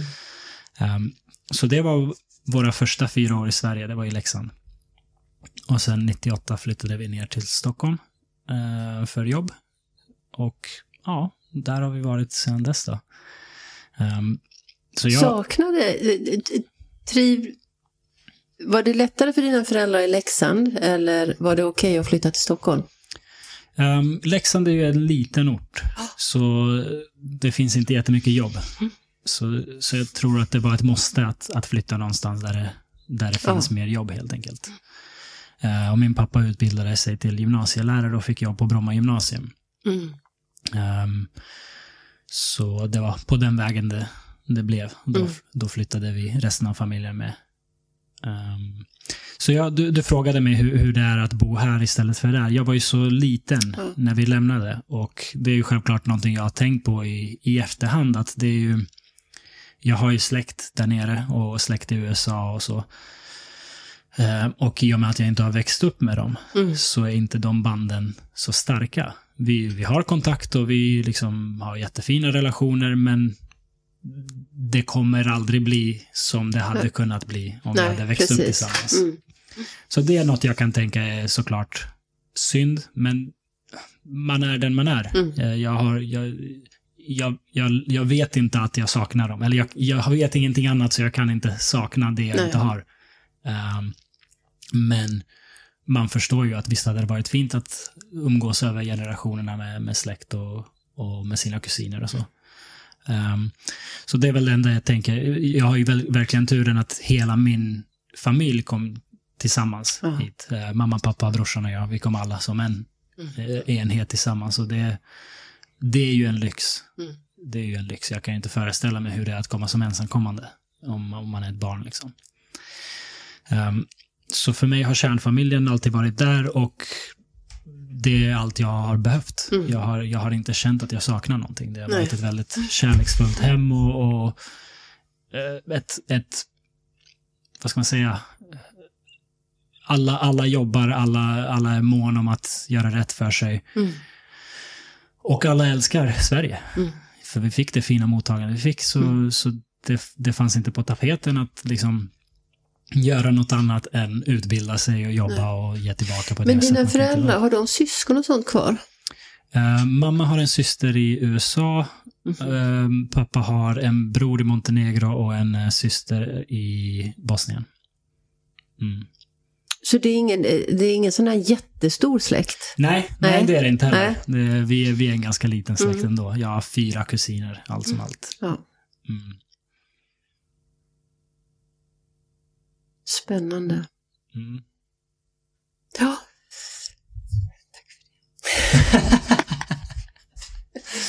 Nej men det är alltid så, det, det, det är det jag sa, liksom, även om jag inte fattar när de sitter på pendeln och pratar så blir man ju liksom, Mm.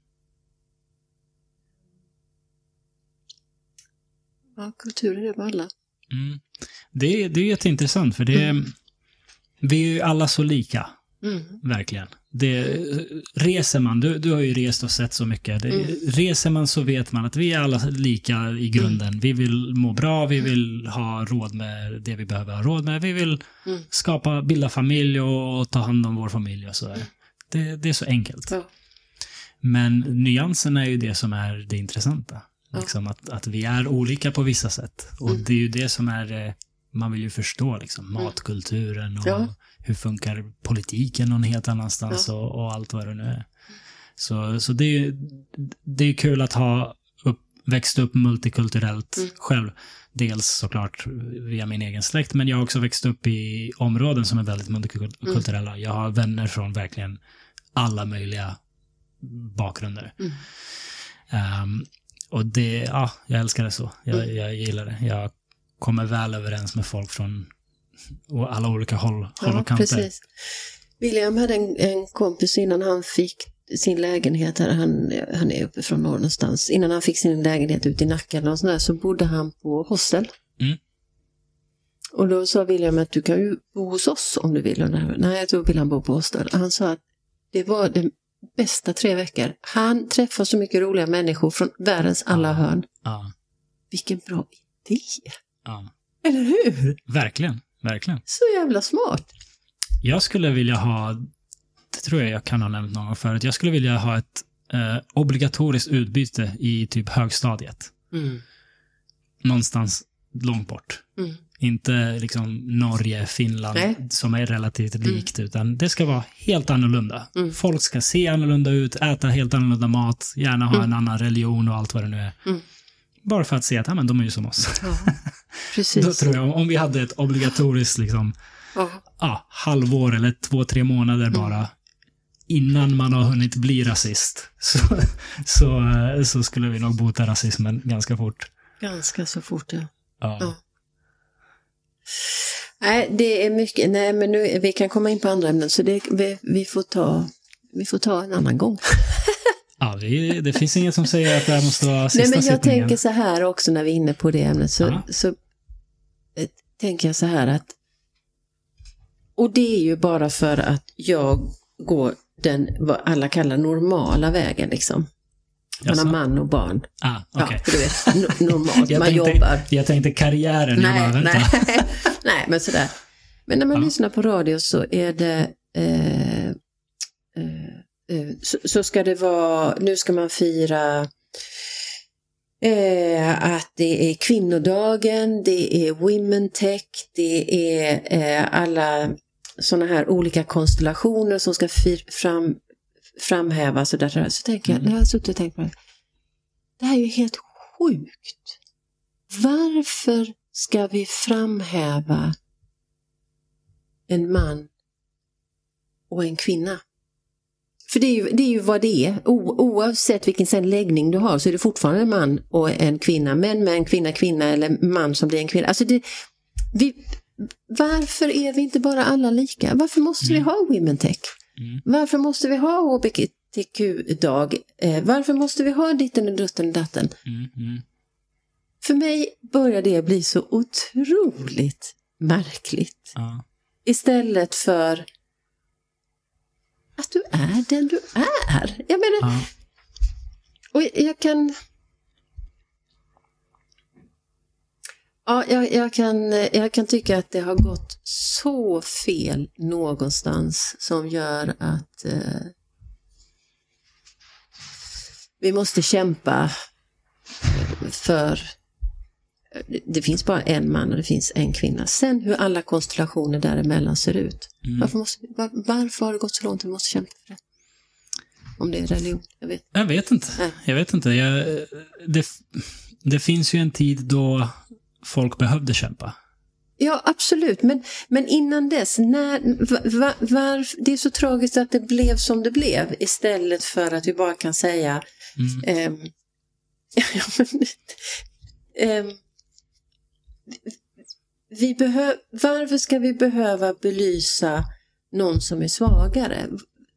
Vad är det som gör att människan blir sån? Mm. Istället vi ska framhäva de som är jätteduktiga, eh, de, och så ska vi belysa någonting som då människan som går den normala vägen inte tycker om. Det är väl lite det det har liksom hamnat i, att det är fel eller dumt. Mm. Så då mhm. måste man börja belysa. Mm. Nu ska vi ha en sån dag och så ska det vara women tech för det finns en till och med kvinnor inom IT. Alltså det, till slut så har vi ju samhällen där man snart måste belysa allting, för det är alltid någon. Mm. Det känns som att det har blivit mycket mer fokus på identitet. Ja. Och jag vet inte, jag, jag tror att det en blandning av dels det här eh, egot vi har pratat om. Att vi är så eh, vi, vi, är så inne i vår värld och vi är så viktiga mm. och eh, du kan bli vad som helst och, och du vet, hela den här mm. eh, individuella individualistiska kulturen. Mm. Så jag tror att det blir ganska, ett naturligt steg från det blir att Gud vad viktig jag är som mm. är just det här.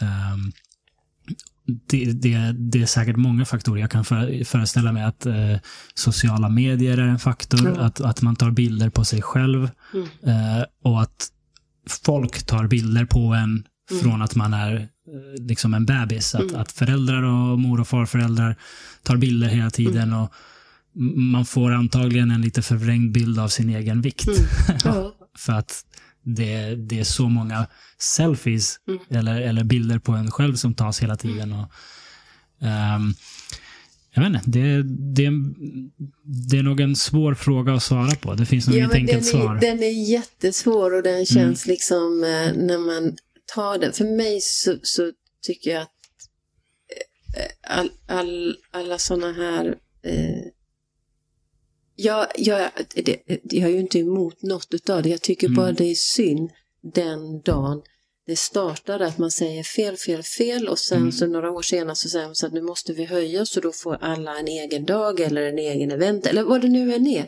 Ja. Jag tycker det är så tragiskt för fortfarande så är det liksom man behöver inte ens tala man och kvinna, det är ju humans. En ja, person. Jag håller med.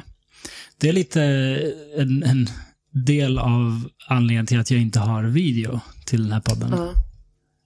Eh, jag pratade om det i ett tidigt avsnitt, att jag, när jag läser en bok, jag är helt ointresserad om vem, av vem som har skrivit den. Mm. Uh, visst, det finns författare jag är intresserad av, så då vill jag läsa fler av deras böcker. Men mm. när jag hör om, att, om en bok som handlar om det här temat, då är det det jag vill läsa. Mm. Om det är en man eller en kvinna eller en uh, vit eller en svart eller en mm. gul person som har skrivit. Jag, jag bryr mig inte. Nej. Det är helt ointressant. Jag vill, jag vill komma åt tankarna. Mm. Jag vill komma åt idéerna. Um, och därför har jag lite samma inställning här på podden. att det, det är inte intressant. Jag, jag, ställer inte de frågorna. Ja, men hur var det för dig som kvinna i den här branschen? Nej. I vissa situationer kanske det, mm. det är relevant. Mm. Uh, hade du jobbat som, vad vet jag, på en oljerigg mm. så kanske ja. jag hade ställt den frågan till mm. dig, men var det tufft i en mansdominerad miljö? Mm. Men överlag, det är väl helt ointressant om du liksom... Ja, för, jag, jag kommer ja. ha dina idéer och tankar. Ja, precis. Och det, Alltså om, om man tittar nu på alla jobbannonser så är det ju alla företag skriver ju att vi är ju för diversity, vi är för gender ja. equal, age equal, ditten, ditten, ditten, equal, religious equal, det där. Ja. Och i, i min lilla värld så, så hade jag ju önskat att för det första så söker man en person. Då behöver man liksom inte ens skriva ut detta för det ska bara vara vedertaget. Exakt. Sen, jag fattar ju att det inte är det, men, men du vet, Ja. alla de där raderna börjar ju nu till slut bli så här att, mm, interesting. Om jag hamnar på intervju hos det bolaget, då skulle jag vilja ha liksom 20 frågor på Mm. hur de arbetar med att hantera det här. Mm. För att det är ju någonting som nu alla skriver ut och vi vet ju om att det kan skilja sig lite hur Mm. man jobbar med detta. Jag gillar att du så väntar till två och en halv timme in på samtalet för att försöka få mig cancellad. Det, det är bra. Nu, nu har många så slutat lyssna, så nu kan vi ta de här frågorna. Yoshi, vad tycker du om diversity? Hur, eh, hur ställer du dig till det här? Eh, nej, men det, det blir ju, det blir ju i, i, i, Det kommer antagligen från en god intention. Det, Absolut. det började någonstans med att folk såg att visst, har du ett eh, namn som, som inte låter svensk så har du svårare på arbetsmarknaden. Det stämmer. Mm. Det, de har gjort eh, tester där samma CV skickas med olika namn och ja, har du ett svenskt namn så, så går det bättre. Så folk har velat lösa det här. Mm. Men som med allting annat så finns det folk som inte har fingertoppskänsla. Mm. Eh, och tar godhet eller god, sina goda intentioner för långt. Mm. Eh, så att det här nästan blir, nu, nu är det ganska vanligt att det står någonting i stil med, är du från en eh, underprioriterad bakgrund eller någonting sånt, eh, underprivilegierad bakgrund. Så att det inte ska vara så här hudfärg eller sexuell läggning, utan en underprivilegierad bakgrund så vill vi veta det, för vi vill ha, vi vill ge folk chanser. Och det är liksom en inbjudan till, här, det här är vad du behöver säga för om, om du ska få det här jobbet. Mm. Du behöver säga att du, du, det här är inte liksom specifikt vad man försöker göra med det här. Man försöker göra något gott. Mm. Men resultatet blir ju den som läser annonsen får signalen, jag behöver berätta hur underprivilegierad jag är. Mm. Och det är farligt. Mm. För gör du det på, på en population, ja men då kommer du ha lögnare såklart. Mm. Du kommer ha folk som värderar eh, att vara ett offer. Mm. Eh, du, du, du kommer liksom skapa en jätteskev eh, bild av vad, vad som är värdefullt här i livet. Mm.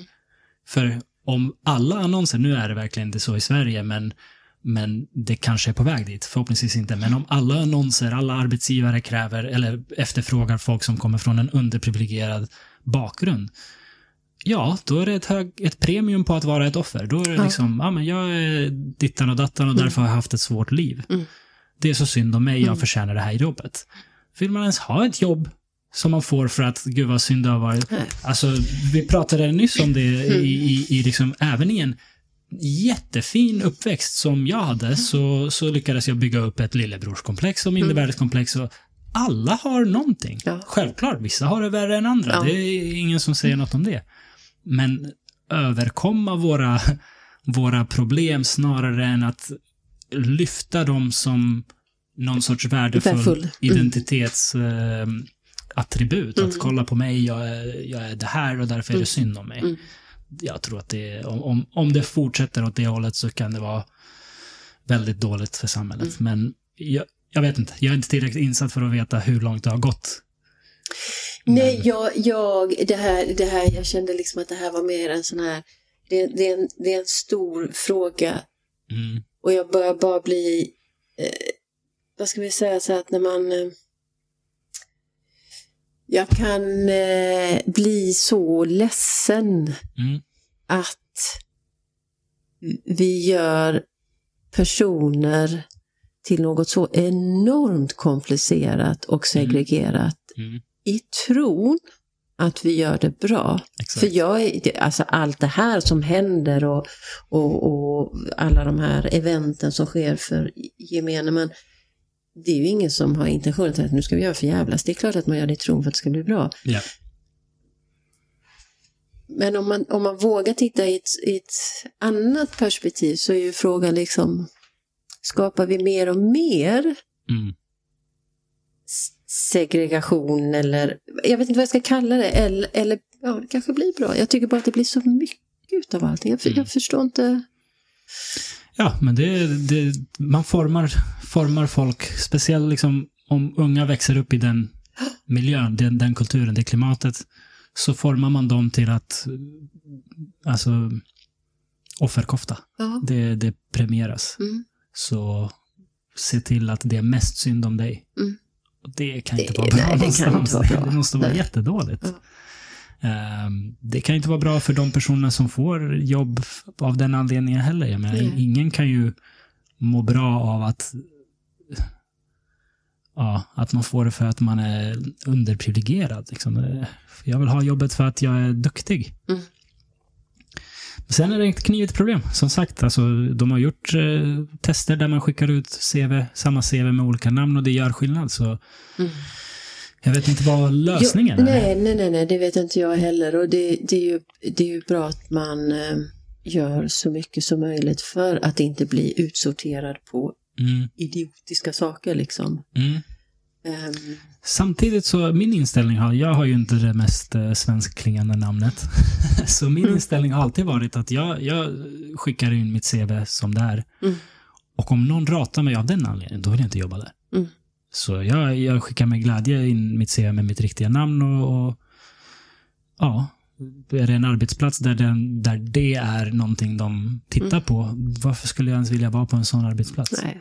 Sen har jag, eh, är jag privilegierad för att jag har en utbildning, jag, jag, jag kan föra mig väl Mm. i en konversation. Liksom, det, är inte, det är inte synd om mig Mm. någonstans. Så jag kommer klara mig eh, om, jag, om jag blir ratad för mitt namn på, på vissa, hos vissa arbetsgivare så Mm. finns det ändå många andra där jag kommer kunna komma in. Mm. Ehm, men det, fall, det har i alla fall varit min inställning, att inte bry mig om det. För de som tycker det är viktigt vill jag inte ha någonting att göra med ändå. Så de får jättegärna kasta Ja. mitt CV. Mm. Världen tog. Världen är tokig. Och med det avslutar vi. Ja, men det var en, eh, en fin liten twist här på slutet. Får se, får se vad, hur, hur cancellad jag blir för det här, men eh, det, Ja. var, det var en fin vändning. Det var en fin vändning. Här försökte man avrunda på, ja men det är tips till 20-åringar som är vilsna. Det är jättebra. Men nej, nej. Nej, nej. Berätta nu. Ja. Jag tycker det har varit ett väldigt spännande samtal. Jätteroligt. Jag är jätteglad att du inte bara ville vara här utan även eh, bjöd på så mycket av din tid och så mycket av dina privata historier och dina tankar. Och jag, jag, jag är verkligen hedrad över att du ville vara min gäst. Jätteglad att få vara här. Det har varit superroligt. Ja, ja men vad kul. Det får, vi, vi får göra om det. Ja, Ja. Toppen. Tack så jättemycket Anna.